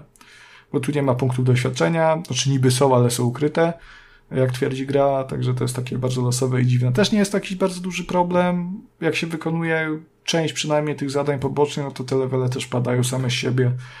E, jest fajnie, no ale przede wszystkim, wiesz, ta gra sprawia mnóstwo frajdy, nie? Ona właśnie przez to, że twórcy, tak mi się wydaje, mm, przez to, że twórcy musieli ją robić z myślą o PSP i tych krótkich sesjach, to ona jest bardzo dynamiczna, jest, dużo się w niej dzieje i te walki te są widowiskowe plus bardzo przyjemne. No, no ja wsiąknąłem i ani przez chwilę się nie nudziłem, mimo że praktycznie cały czas gdzieś tam gdzieś tam e, ciachałem. No, przeryw, przerywniki filmowe to był ten taki moment, w którym mogłem chwilę odetnąć, ale potem ciach, ciach, ciach, ciach, ciach. E, bo to dosłownie jest tak, że przebiegamy pięć kroków i mamy kolejną walkę z przeciwnikiem, nie? Także to jest tak intensywne, ale znów podkreślam, e, bardzo, bardzo dobre. I jeżeli chodzi o kwestię remastera, bo zajawiłem, że to jest jeden z najlepszych remasterów, jaki kiedykolwiek wyszedł, mm, to gdybym nie wiedział, że ta gra oryginalnie wyszła na PSP, to byłbym święcie przekonany, że to jest po prostu jakaś nowa gra z serii Final Fantasy, tylko może o niższym budżecie troszkę, nie? Od, od tych, od tych e, dużych gier, bo ona naprawdę, e, jeżeli chodzi o prawie graficzną, wygląda, wygląda bardzo ładnie. E, to jest może nie, może nie poziom Series X i PS5, ale myślę, że takiej Xbox One i PS4 spokojnie to wygląda bardzo, bardzo dobrze. Modele postaci są świetne, tekstury wyraźne, widoczki często też ładnie. Ładne, no jasne, grę zdradza to, że te animacje postaci są sztywne bardzo często, nie, przynajmniej te render, te animacje na silniku gry, które są, są na, na bieżąco animowane, no one są sztywne, właśnie takie mm, średnio anime, nie, nie są tak ładnie wyreżyserowane, e, ale już w trakcie walki to wszystko wygląda świetnie. Mm, no i też niektóre, nie, niektóre lokacje nie są tak bogate w detale, jak na przykład mogłyby być w grze, która faktycznie powstawała z myślą o dużych sprzętach. No ale wiesz, to nie jest też jakiś problem znaczący. E, co ciekawe, jedyną rzeczą, która została z wersji na PSP są prerenderowane filmiki, znaczy przerywniki filmowe.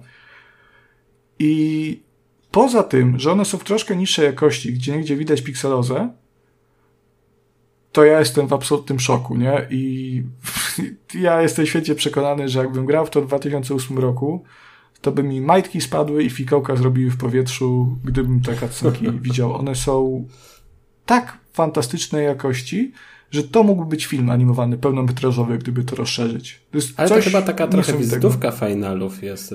Tak, tak, tak, tak. Tych, tych, mhm. tych, tych starszych, wtedy na takim poziomie, kiedy nie było tej konkurencji, e, to faktycznie każdy jakiś taki materiał z finala był takim wow. No, tak, to, tak siódemka już, nie? Siódemka to zaczęła właśnie. Mhm. Jak tak teraz Bo... patrzę mhm. na kawałek gameplayu, no to to wygląda jak gra, która śmiało mogłaby przycinać na Switchu. A nie wiem, czy ono jest na Switchu. Chyba jest.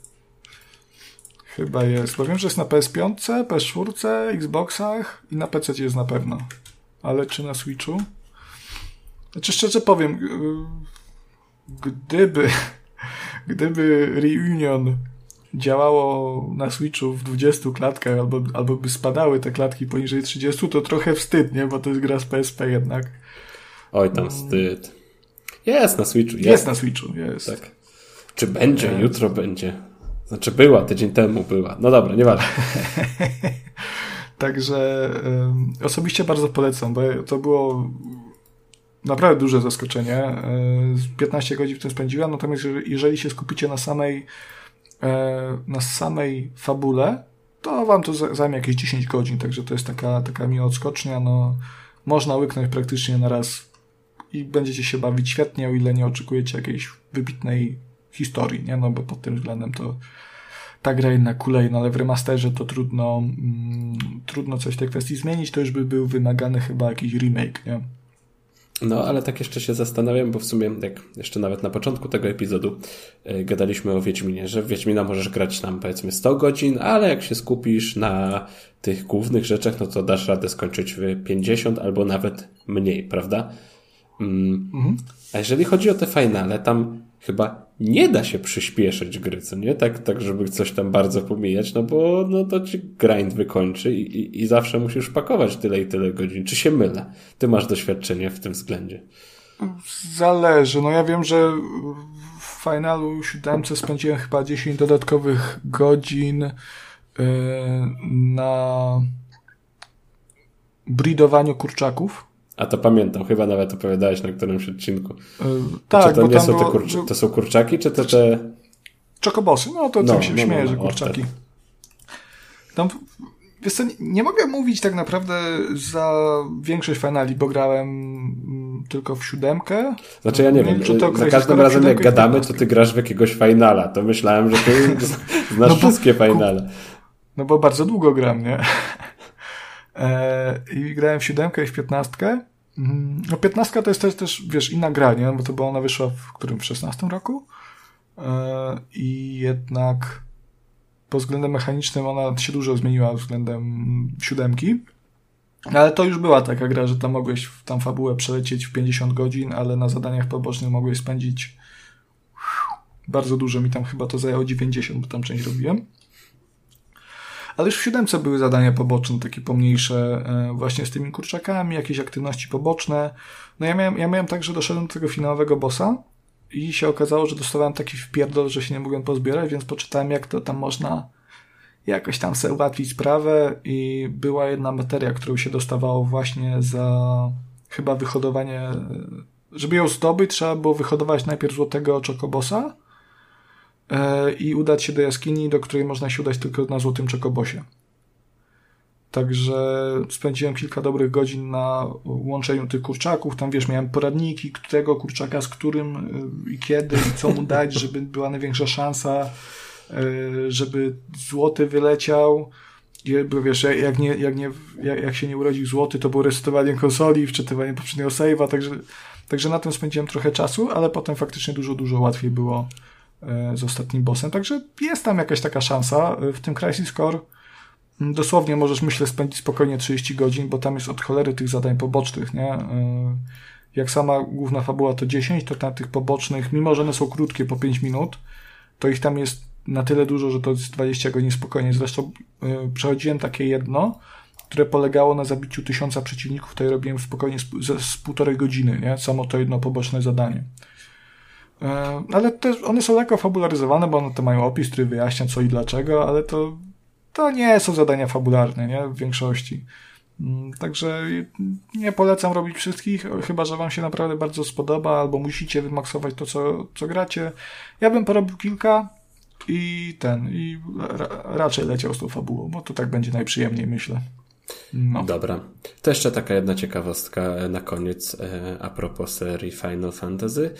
Mm, bo ostatnio w sieci pojawił się e, taki no, ranking, taka e, była ankieta mm, przeprowadzona mm, przez, przez fanów, dla fanów i wybrano najulubieńszego bohatera z, w ogóle z wszystkich gier z całej serii Final Fantasy i, jak obstawiasz, kto został wybrany numerem jeden? Tifa. No, na drugim miejscu była.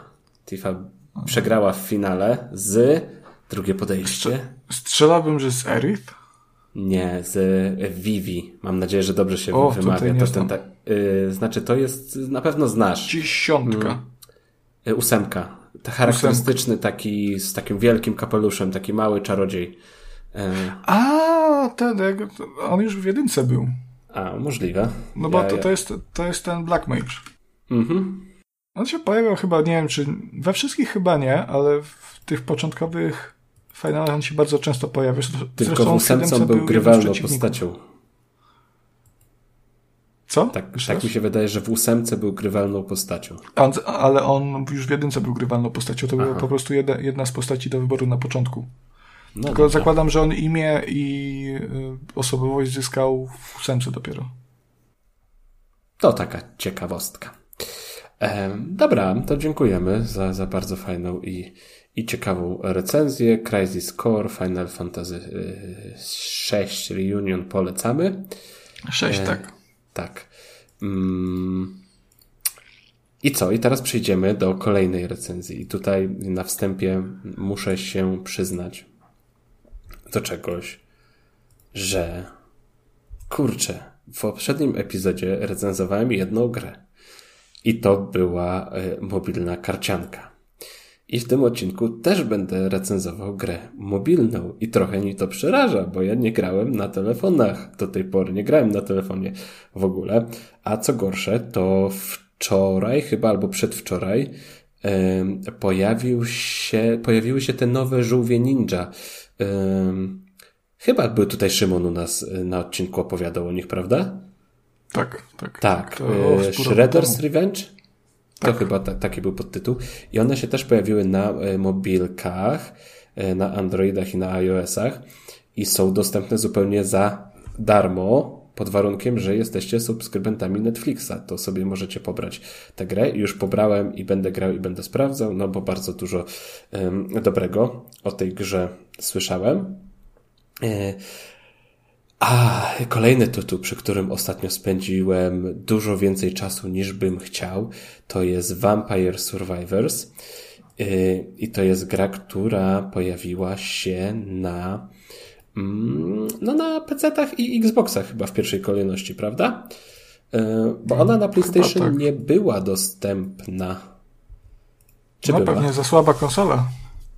Y, mogło tak być, bo to takie fajne tam już bardzo dużo przeciwników jest, to musi być potężna moc obliczeniowa. Nie, mam rację, dobra. W październiku pojawiła się na PC-tach, a w listopadzie na Xboxach i tam też do Game Passa wleciała.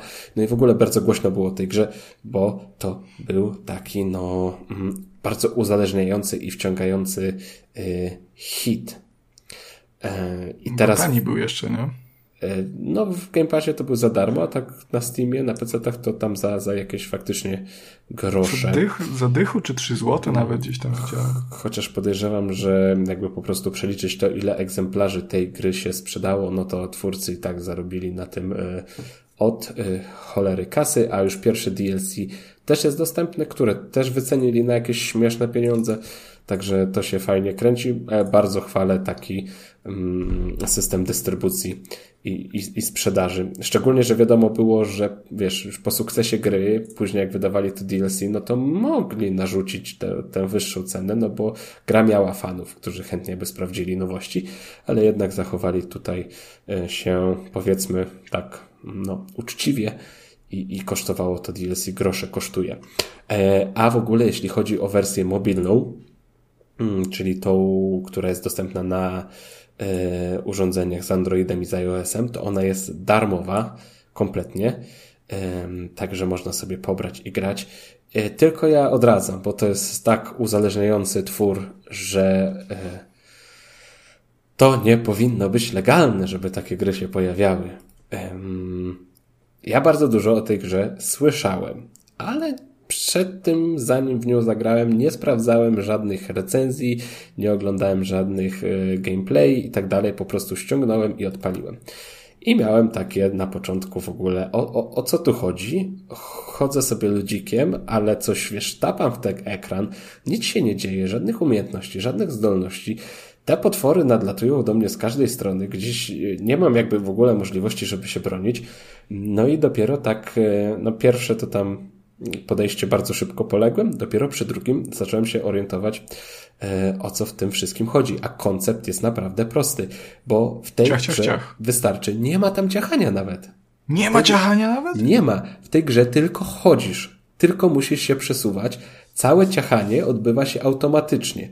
E, w zależności od tego, którego bohatera wybierzesz, on ma taki, a nie inny startowy atak. Czyli może to być pan z biczem i będzie po prostu co tam, nie wiem, pół sekundy, co sekundę tym biczem wykonywał atak automatycznie, a twoim zadaniem jest tylko, tylko chodzenie, manewrowanie, unikanie przeciwników yy, i tak dalej. Czyli to jest taki symulator chodzenia. To jest taki symulator e, chodzenia genialny. I teraz tak, Oczywiście, na początku tymi atakami, wiesz, tych ataków y, różnorakich jest od groma wszelkiego kalibru, to się odkrywa wraz z postępami w grze, naprawdę są rzeczy, są rzeczy złożone, one się później w ogóle kończy, łączą w kombosy i tak dalej, to jest, dużo bardziej rozbudowane niż mogłoby się wydawać na pierwszy rzut oka.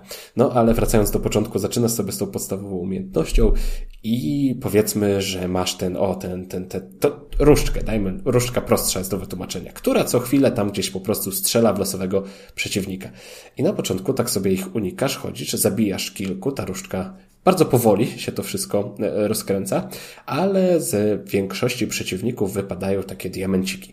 Diamenciki dają ci punkty doświadczenia pod warunkiem, że je zbierzesz. I już od pierwszego poziomu możesz e, wybrać następną umiejętność. Tam na wstępie gra ci daje chyba trzy wybory, możesz sobie wybrać jedną.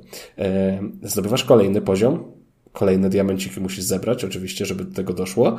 I teraz możesz sobie albo wybrać nową umiejętność albo ulepszyć tą poprzednią. E, no i wraz z każdym poziomem ta twoja postać staje się coraz silniejsza, dochodzą te, te nowe ataki, te mocniejsze ataki. One też często zmieniają wraz z rozwojem swoją formę, więc tego jest naprawdę sporo. No i oczywiście też przeciwników e, zaczyna robić się coraz więcej i oni tak wyłażą na ciebie po prostu z każdej strony. Już pod koniec gry, przed momentem, w którym cię zabije, albo jeśli dojdziesz do końca planszy, bo one, no, tak umownie powiedzmy, trwają 30 minut, po 30 minutach przychodzi śmierć i, i zakańcza rozgrywkę, chociaż to też da się oszukać e, i z tym wiążą się pewne zadania, ale tu już nie będziemy wchodzić w spoilery. Mm, po prostu tych potworów wychodzi na ciebie tyle, że cały ekran masz zawalony gdzieś jakimiś mopkami, monsterami, są też bossowie, którzy są więksi, no tego jest po prostu tak od groma. Jeśli dobrze dobierzesz wszystkie elementy, to nawet nie musisz się ruszać. Oni się po prostu sami u ciebie zabijają, te ataki gdzieś tam rozpryskują na wszystkie strony. To jest głupie. Ja zdaję sobie z tego sprawę, że to brzmi trochę głupio, w szczególności jak mówię, że nic nie musisz robić i wszystko dzieje się samo. Ale to jest Czy to jest, taki... to jest właśnie ten czynnik uzależniający, nie? Tak, to jest w jakiś taki sposób, wiesz, kurczę, satysfakcjonujące, że, że, że te potwory spadają i przegrywają i tam, no to też na początku, na początku to jest kompletnie inna gra, niż powiedzmy po 10 godzinach, jak w nią wygrasz, bo wtedy um, dochodzą kompletnie inne elementy. Zależy ci, już masz podstawy opanowane do tego stopnia, że um, zależy ci na zupełnie innych rzeczach. Oczywiście tam jest szeroka lista osiągnięć do zdobycia. Przeżyj takim ludzikiem 15 minut, takim 30. Um, zrób to, zrób tamto, użyj takiej broni, skompletuj taki zestaw. Także zaczynasz wypełniać te, te osiągnięcia, te cele, to się jakoś tam nakręca. No też są takie, mm, takie mityczne, tajemnicze rzeczy, przedmioty, w tych celach też sobie sprawdzasz, że na przykład, wiesz, masz zdobądź tam jakąś, e, zmyślam teraz, bo nie pamiętam, zdobądź złotą rękawicę. I nie masz w ogóle bladego pojęcia, o co chodzi z tą złotą rękawicą, ale tak zaczynasz tam na mapkach, są jakieś znaki zapytania, zaczynasz to sprawdzać, później, w ogóle no, żeby na część rzeczy wpaść samemu, to raczej nikogo bym o to nie podejrzewał, to raczej idzie z różnych tam tutoriali na YouTubie i poradników, e, ale tam też się dzieją różne rzeczy pod tytułem, nie wiem, wejdź w lustro i wchodzisz w lustro, przenosisz się do jakiejś tam innej lokacji. E, normalnie bardzo ciężko wpaść na, na takie mechaniki, na takie zależności, no bo za dużo się dzieje na tym, na tym ekranie, ale jak już masz jakiś punkt zaczepienia, że, że ta lista osiągnięć ci sugeruje, że zrób i to i to, to już zaczynasz w tym kierunku bardziej szukać, można się właśnie wesprzeć internetem. Y, proszę się nie wstydzić. Myślę, że nie ma w tym, w tym nic złego. Mm. No i super się. Im dłużej o tym opowiadasz, no. tym bardziej mam wrażenie, że to jest taki cookie clicker dla osób, które wstydzą się grać w cookie clickera. E, e, kurczę, no nie wiem, bo nie grałem w cookie clickera, to masz jednak taką, no masz no masz akcję, jest akcja, te, te, te potworki to umierają. Główna różnica, ale jak mówisz, że w pewnym momencie nie musisz się nawet ruszać i ci przeciwnicy się sami o ciebie zabijają, no to to już tak... W sensie, to jest bardzo podobna zasada tak naprawdę. To jest wybitnie prosta gra. mhm. do której może usiąść każdy i tu nie trzeba mieć żadnej specjalistycznej wiedzy czy skilla zbyt jakiegoś większego, bo to jest tylko chodzenie tak naprawdę. No, trzeba umieć chodzić, nie? I jakoś tak sobie to zaplanować. Um, I sobie zbierasz punkciki i klikasz punkciki, tam ci rośnie, szybciej zabijasz. No tak jak w, w, cookie clickerze musisz umieć tylko klikać i sobie klikasz i ci rosną punkciki i za punkciki sobie kupujesz ulepszenia, żeby ci szybciej punkty rosły. No, bardzo Ale czekaj, czekaj, bo różnica jest taka, że w cookie clickera nie da się przegrać. A w Vampires Survivors to, się to jest, da. To jest różnica. Jeśli Ale się to... nie postarasz, to, to, to w miarę szybko na, na początkowych etapach. Tam jest też takie, wiesz, całe pole, które pozwala ci na jakieś ulepszenia twojej postaci, jej zdolności i tak dalej. Ja się wykupuję za zdobyte złoto i tam też jest mm, taka specjalna umiejętność, klątwa się zwie. Jeżeli dopakujesz do tego punkty, to możesz sobie w ogóle sprawić, że, że rozgrywka się stanie trudniejsza, bo przeciwnicy dostaną tam dodatkowe mm, życie i będzie ich więcej na planszy i będą jeszcze trudniejsi do zabicia. Także możesz sobie tę rozrywkę, y, rozgrywkę utrudniać. Mm. No nie wiem, no wydaje mi się właśnie, że różnicą jest to, że w Vampire Survivors jednak możesz, możesz przegrać, że to nie jest aż tak e, bezstresowe i bez jakiegokolwiek... E... No to nie, nie, ja się, ja się zgadzam, ty mówisz, że to jest dokładnie ta sama gra, tylko na podobnej zasadzie to wszystko działa, stąd jest to ten czynnik uzależniający. Y, ten czynnik uzależniający, on bardzo mocno opiera się na systemie nagrody po prostu. No, wiesz, no każdy potworek to jest zdobyte doświadczenie. To jest e, od boss, z bossa wypadnie skrzyneczka, która może ci tam dać jeden przedmiot, a może dać ci pięć przedmiotów i się to tak no wszystko kręci. Do pociągu genialne. Ja, jakakolwiek podróż, bo wiesz, to też jest tak, że na początku te plansze mm, naprawdę trwają pół godziny, jeśli przejdziesz, dojdziesz do końca danej. Yy, ale później są już takie specjalne umiejętności, które gdzieś tam przyspieszają czas. Mm, włączają takie turbo dodatkowe, także to się jeszcze wszystko szybciej dzieje. Yy, kurczę, no świetne to jest. Jakby rozumiem fenomen tej gry. I tak jak w ostatnim epizodzie mówiłem, że, że, że Marvel Snap było moją E, najlepszą grą mobilną roku 2022, to chyba zmieniłbym jednak na Vampire Survivors, bo e, no, no wciąga jak diabeł. Mm, A to ty Chociaż... od tego od zeszłego roku w to grasz? E, no, już trochę w to grałem. Kurde. W grudniu jakoś zacząłem. Nie tak dawno po premierze. Także już troszkę, troszkę gram. Ostatnio rzadziej, bo już tam no, część z tych celów osiągnąłem, także Także Ale właśnie na, to, na to mobilkach jeszcze nie ma taki... dodatku. O, to taka ciekawostka. Tę, tę grę można jakoś, jakoś skończyć. W sensie wiem, że mówię, że tam po 30 minutach przychodzi śmierć i jest, yy, mówi finito, koniec mhm. zabawy, nie ma takiego bicia. Mm, ale czy, ta, czy tam jest, nie wiem, jakaś taka kampania, że to tam są różne te yy, poziomy, czy? Nie, nie, nie ma jako takiej fabuły. Poziomy są różne, różne są mapki, odblokowujesz je wraz z postępami. No chyba taki jako koniec zabawy to po prostu um, określił to zdobycie tych wszystkich osiągnięć. Jeśli zdobędziesz te wszystkie osiągnięcia, co wiąże się z odkryciem wszystkich sekretów, e, no to myślę, że wtedy można uznać, że to jest koniec, koniec zabawy. No, powiem ci, że bardzo fajnie to brzmi. No, zagraj sobie, zagraj sobie. Aż, Albo aż nie, nie graj sobie. Nie graj. Te, słucha, te słyszałem o Vampire Survivors od dłuższego czasu, ale jakoś tak nigdy nie, nie podchodziłem do tego, że to mnie w jakikolwiek sposób będzie interesowało bardziej. A tu proszę, pan Smolak przyszedł i pan Smolak zajawił, także.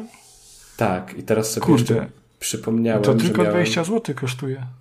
No, ale mówię ci, że na telefonie jest y, za darmo i wydaje mi się, że to nawet tak, kurczę, no bardziej jest gra pod telefon, bo sobie tym paluszkiem tam, tam fajnie między tymi przeciwnikami y, chodzisz. Nie wiem, y, nie grałem w wersję PC-ową albo konsolową, więc ciężko mi powiedzieć, czy one są dosłownie takie same, czy są tam jakieś różnice, ale obiecałem na wstępie tego odcinku, że będzie ciekawostka na temat Vampire Survivors y, i gier mobilnych. I z tego, co tam gdzieś przedstawiciele tego studia Ponkle y, mówili, to wiesz, ta gra jest darmowa na, na mobilkach. I oni, jak w ogóle wpadli na ten pomysł, żeby ją wrzucić na telefony, to jeśli, jak szukali wydawcy, to żaden wydawca e, nie było wydawcy, który nie chciałby na tej grze zrobić agresywnego jakby marketingu i agresywnego zarobku, żeby jak najwięcej hajsów wydoić z graczy. I to było do tego stopnia, że oni przyznali, że w sumie to dobra, to, to jak nie, to sami sobie to wydamy na, na telefony. Y, żeby zrobić tak, jak my chcemy, a jeszcze musieli się śpieszyć, dlatego, że już zaczęło masę klonów y, działających na podobnych zasadach powstawać. Więc y, no, taka to była historia z powstaniem tej wersji na, na, na telefony. To się nie zdarza praktycznie w ogóle, żeby tak twórcy gier jakoś tak uczciwie podchodzili do gracza, żeby tak nie doić. No, jedynym takim elementem w tej grze, który gdzieś tam, wiesz, opiera się na reklamach, to jest to, że jak cię zabije, to możesz sobie obejrzeć widełko reklamowe i wtedy dostajesz tak by jedno dodatkowe życie. I, I to w sumie tyle, jeśli chodzi o jakieś takie właśnie takie reklamy i, i hajs i tak dalej. Mogę sobie to kupić, myślę. Zaszalej, zaszalej. No. Myślę, że, że budżet domowy to wytrzyma. O, nie wiem, nie wiem, teraz był długi miesiąc. No, ale mówię, brzmi bardzo fajnie. A wiesz, co jeszcze brzmi fajnie? Co? Wyszła taka gra. W grudniu również. Rok, rok temu w to grałem. Ha, ha, ha, ha. E, ona się nazywa High on Life. Słyszałem. Bardzo dobrze Słyszałeś. się. Bardzo dobrze się rozeszła po Game Passie. Tak, fajnie brzmi, nie? Taka, to jest gra od, od twórcy jednego ze scenarzystów, chyba tego nie wiem, czy nie tak głównego, e, serialu animowanego dla wielu wybitnego i w ogóle najwspanialszego dzieła ludzkości, a także posiadającego jedną z najbardziej toksycznych y, fanbase'ów, czyli Ricka i Mortiego. No właśnie chciałem się na wstępie zapytać cię, jaki ty masz stosunek do do tego dzieła e, kultury, bo ja jakoś próbowałem hmm, dwa lata temu, trzy lata temu e, się przekonać i, i zacząłem oglądać i dość, e, dość szybko odpadłem. Nie wiem, może to nie był właściwie czas na ten rodzaj humoru, ale jakoś no nie wsiąkłem w ten, w ten świat. Ja to oglądałem, trzy sezony obejrzałem i to było jakoś chyba z trzy lata temu. Tak, albo nawet wcześniej. Chyba jeszcze na studiach byłem. No to wcześniej. Oj, to wcześniej. Także, także czas studiów to jest chyba najbardziej sprzyjający czas, żeby Ricka i Mortiego oglądać, bo to jest ten czas, kiedy każdy głupek się czuje mega inteligentem, nie? Także taki mm, samoświadomy, mocno ironizujący show się czuje. Przepraszam, ale kot przybiegł i znalazł jakąś piankę starą. Ale piankę do golenia, piankę montażową, piankę z cukierka. Piankę. Nie ma teraz, teraz jest nagrywanie, panie kocie.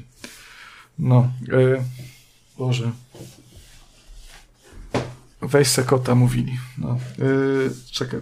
Aha. Yy, no, jak się jest na studiach, to się jest takim właśnie takim, że się jest mądrym, także takie yy, samoświadome, mocno ironizujące seriale jak właśnie Rick and Morty, no siadają. No mi siadło też wtedy, yy, nawet się dobrze bawiłem, to, to było też coś nowego wtedy, nie? To nie było aż tak, aż tak popularne, jeżeli chodzi o animację yy, dla dorosłych, żeby aż tak te, te, ten, ten serial szokował yy, w sumie wulgarnością i tym, jak, jak jest bardzo mocno samoświadomy, nie? To jest taki już ekstremum tutaj. Wiadomo, że nie był to poziom kapitana bomby, ale jednak znalazło tę y, grupę odbiorców. Znaczy, wydaje mi się, że Rick i Morty to jest mimo wszystko y, troszkę wyższy poziom intelektualny niż Kapitan Bomba. Tu się naraża bardzo mocno wielu osobom. Y, no ale umówmy się, no urokiem Kapitana Bomby jest to, że to jest takie bezdennie głupie i wulgarne, nie? Znaczy wiesz, no to jest y, też e, Kapitan Bomba jest pod, po, po Polskę robiony. No, to jest no, taki, no. taki nasz. Nasz jest Kapitan Bomba. To no, jest nasz humor. To nasze... jest jak Polska, bezdennie głupi i wulgarny. E, natomiast Rick Morty gdzieś tam jakieś tam, stara się jakieś inteligentne idee przemycić, prawda, inteligentny komentarz co do społeczeństwa, czy też, czy też um, branży rozrywkowej. No i był potencjał na to, żeby High on Life stało się taką grą wersją tego, no bo tu nad tym pracował też Justin Roiland, e, nad samą grą pracowało Squanch Games, które wcześniej odpowiadało za całkiem ciepło przyjęte e, Trover Saves the Universe. Natomiast no okazuje się, że nie wszystko to, co spra sprawdza się jako serial, sprawdzi się również jako gra wideo i niestety High on Life jest idealnym tego przykładem, e, bo o ile no Rick and Morty w takich dawkach 20-minutowych jest fajny, to już kiedy mamy grę na 8 godzin i ci bohaterowie na ekranie po prostu nie przestają pierdolić, no idzie ocipieć po prostu przy tej grze. To tak jak przy um, ponad trzechgodzinnych odcinkach e, Trójkastu. To znaczy, wiesz, no my mamy bardzo wysublimowany i zróżnicowany humor, prawda? natomiast natomiast e, problem z Rickiem i Mortym jest, jest to, że mówię o serialu, bo to jest dokładnie ten sam kosus tutaj. To jest dokładnie ten sam humor, jakby wyrwać to z Ricka i Mortiego i przenieść do High Life żywcem. E, w przypadku Ricka i Mortiego ten humor jest robiony, tu znowu się narażę in, innemu fanbase'owi teraz, ale jest na jedno kopyto, to jest, on, on działa cały czas na tej zasadzie, e, czyli obraca to, czego ty się spodziewasz w żart, nie? Czyli na przykład idziesz do chłopa i mówisz, mówisz, że panie, potrzebuję tutaj tutaj takiego dokumentu, co pan masz. I on ci mówi, tak? I przychodzisz do mnie, żebym ja, ja ci dał dokument, bo co? Bo ja jestem od, od wydawania dokumentów tylko cały czas, tak? Mam tu na, napisane wydawanie dokumentów, tak? Chuj ci w dupę, spierdalaj, kutas jesteś. Fuck you, nie? I, i to jest dosłownie każdy jeden żart w tej grze. Każdy jeden żart stara się, się ciebie jak najbardziej zszokować, obrazić, i obrzydzić, bo jest na przykład żart, że jeden, jeden kosmita, który wygląda jak dealer narkotyków, sprzedaje spermę kosmitów spod płaszcza, nie? I, I to jest cały, cały żart. Chcesz, chcesz kupić spermę kosmitów z płaszcza? No tu spermę kosmitów spod płaszcza. Ja ci sprzedam tu spermę kosmitów. Chcesz? Chcesz? I bohater tak, no nie wiem, nie wiem. Nie wiem, czy chcesz spermę kosmitów spod płaszcza. Może powinienem kupić spermę kosmitów spod płaszcza. Kup spermę Dobra, kosmitów spod płaszcza. To jest ja, ja przez to przebrnąłem 8 godzin i to jest niekończąca się kakofania po prostu takiego pierdolenia, jeszcze najbardziej irytującym głosem, jaki, jaki może być, bo ym, jeden z głównych bohaterów, który najwięcej gada, mówi głosem Justina Roylanda, y, czyli Mortiego z Rika i Mortiego i to jest tak skrzy, skrzykliwy, no nie skrzykliwy, skrzypliwy i nieprzyjemny głos na dłuższą metę, że się naprawdę odechciewa, nie? Także pod względem humoru niestety no wypada to słabo, nie? Znaczy, Chociaż przyznam... To by mogło być fajne, tylko po prostu jest przegięte za bardzo. To, to tak, tak, jest, ze skrajności jest, jest za bardzo przegięte. Jest, mhm. Zabrakło dobrego smaku. O, tak byśmy może to powiedzieli. Może nie tyle dobrego smaku, bo tu ten humor bazuje na braku dobrego smaku. E, zabrakło wyważenia, zabrakło tego balansu. E, bo tu są, jasne, są tu jakieś takie sceny trochę smutniejsze, bo cała fabuła opowiada o tym, że kosmici napadli na Ziemię, porwali wszystkich ludzi, wykorzystują ich teraz jako, e, jako w sumie wkład do papierosów tak naprawdę, ich ćpają, nie? E, także naszą rolą jest uratowanie Ziemi, głównie naszych rodziców, poprzez zabicie wszystkich członków kartelu G3, który za to wszystko odpowiada. I wiesz, są tu, są tu sceny smutniejsze, niektóre naprawdę fajnie działają. Bohaterowie, nie, niektórzy z bohaterów są naprawdę dobrze napisani. E, głównie mowa tutaj o Gatrianach, czyli tych e, świadomych broniach, który, które wykorzystajemy do strzelania do przeciwników, no bo to jest e, strzelanka. E, są smutne sceny, więc jakby one wybrzmiewają tutaj, bo, bo kontrastuje to z mm, tym absurdalnym poczuciem humoru. E, nawet niektóre żarty są w sumie bardzo dobre i znaczy, no nie wiem, no, mi się podoba i że, że w świecie, w kosmosie, na planecie kosmitów, e, czyli alienów, e, walutą jest, jest pesos. To po prostu jest dla mnie to jest naprawdę dobry żart tutaj i to mi się strasznie podobało, ale niestety większość to jest, to jest właśnie takie wulgarne wulgarne przekrzyk, przekrzykiwanie się. Ka każda z postaci y, albo zaraz cię obrzyga, albo, albo cię zwyzywa, albo każe ci spierdalać i nie ma praktycznie nic ponadto. Y, I znów ta gra broni się odrobinę gameplayem, ale to jest znowu nie, nie aż tak bardzo.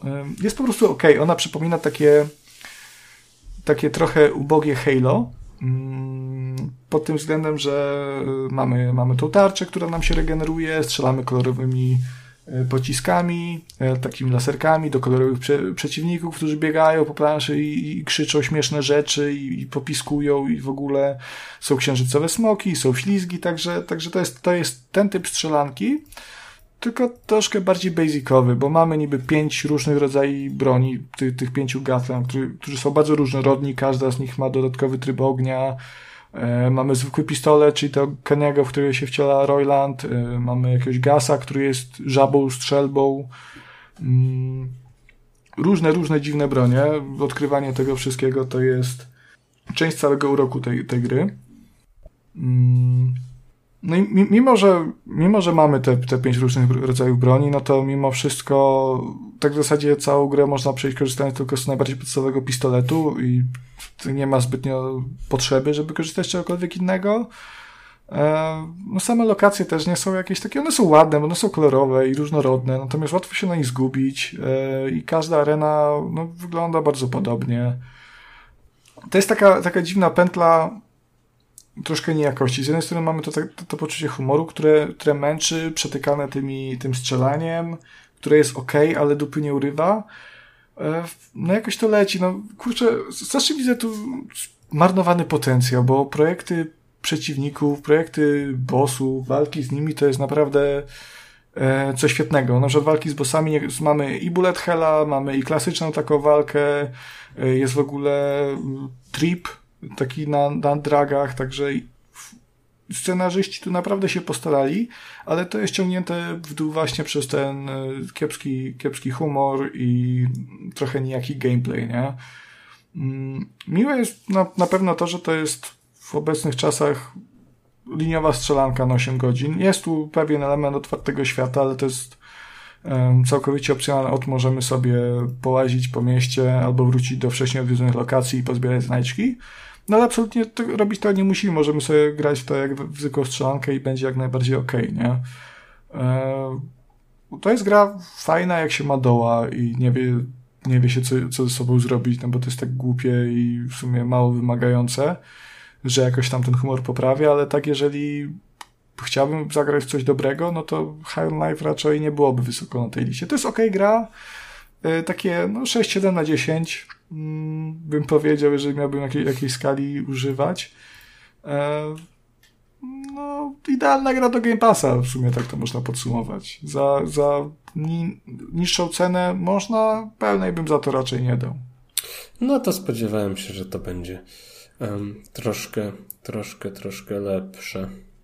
Um, jeśli kiedyś znajdę wolną chwilkę, to, to pewnie sprawdzę bo no nawet ze względu na to, że na tym, o tym tytule jest tak, tak głośno. Mm. No dobrze. Ja myślę, że o tym tytule jest teraz głośno, ale za miesiąc nikt nie będzie o, o, tym pamiętał, że to w ogóle wyszło. No, ale to chyba jest trochę taka już domena tych właśnie singlowych, singlowych gier na parę godzin. Jednak o tych open ja wiem, jakby to była naprawdę taka dobra, dobra gra, no to myślę, że o tym by było troszkę, troszkę dłużej głośno, a no w tym przypadku wiesz, no jest ok, no ale dupy nie urywa. No jest takie przejdzie, zapomnisz. No dobra, to myślę, że dojechaliśmy do końca tego. O, ja ci mogę jeszcze o Babylon Follow powiedzieć, jak chcesz. O, czyli coś jest jeszcze. E, czy to będzie recenzja mm, taka nadająca się na TikToka? Y, tak. Proszę bardzo, w takim razie oficjalnie, panie i panowie, drodzy słuchacze i słuchaczki, e, przedstawiam Konrad Noga w recenzji Babylon's Fall. Gówno, powtarzalne gówno. Dziękuję. Dobrze, a tak jeszcze z ciekawości, ile wygrałeś? E, ja tu dalej gram. O, dobra. Bo Dlatego nie ma pełnej recenzji, tak? Znaczy, nie no, gram teraz te darmowe dodatki, które tam wyszły.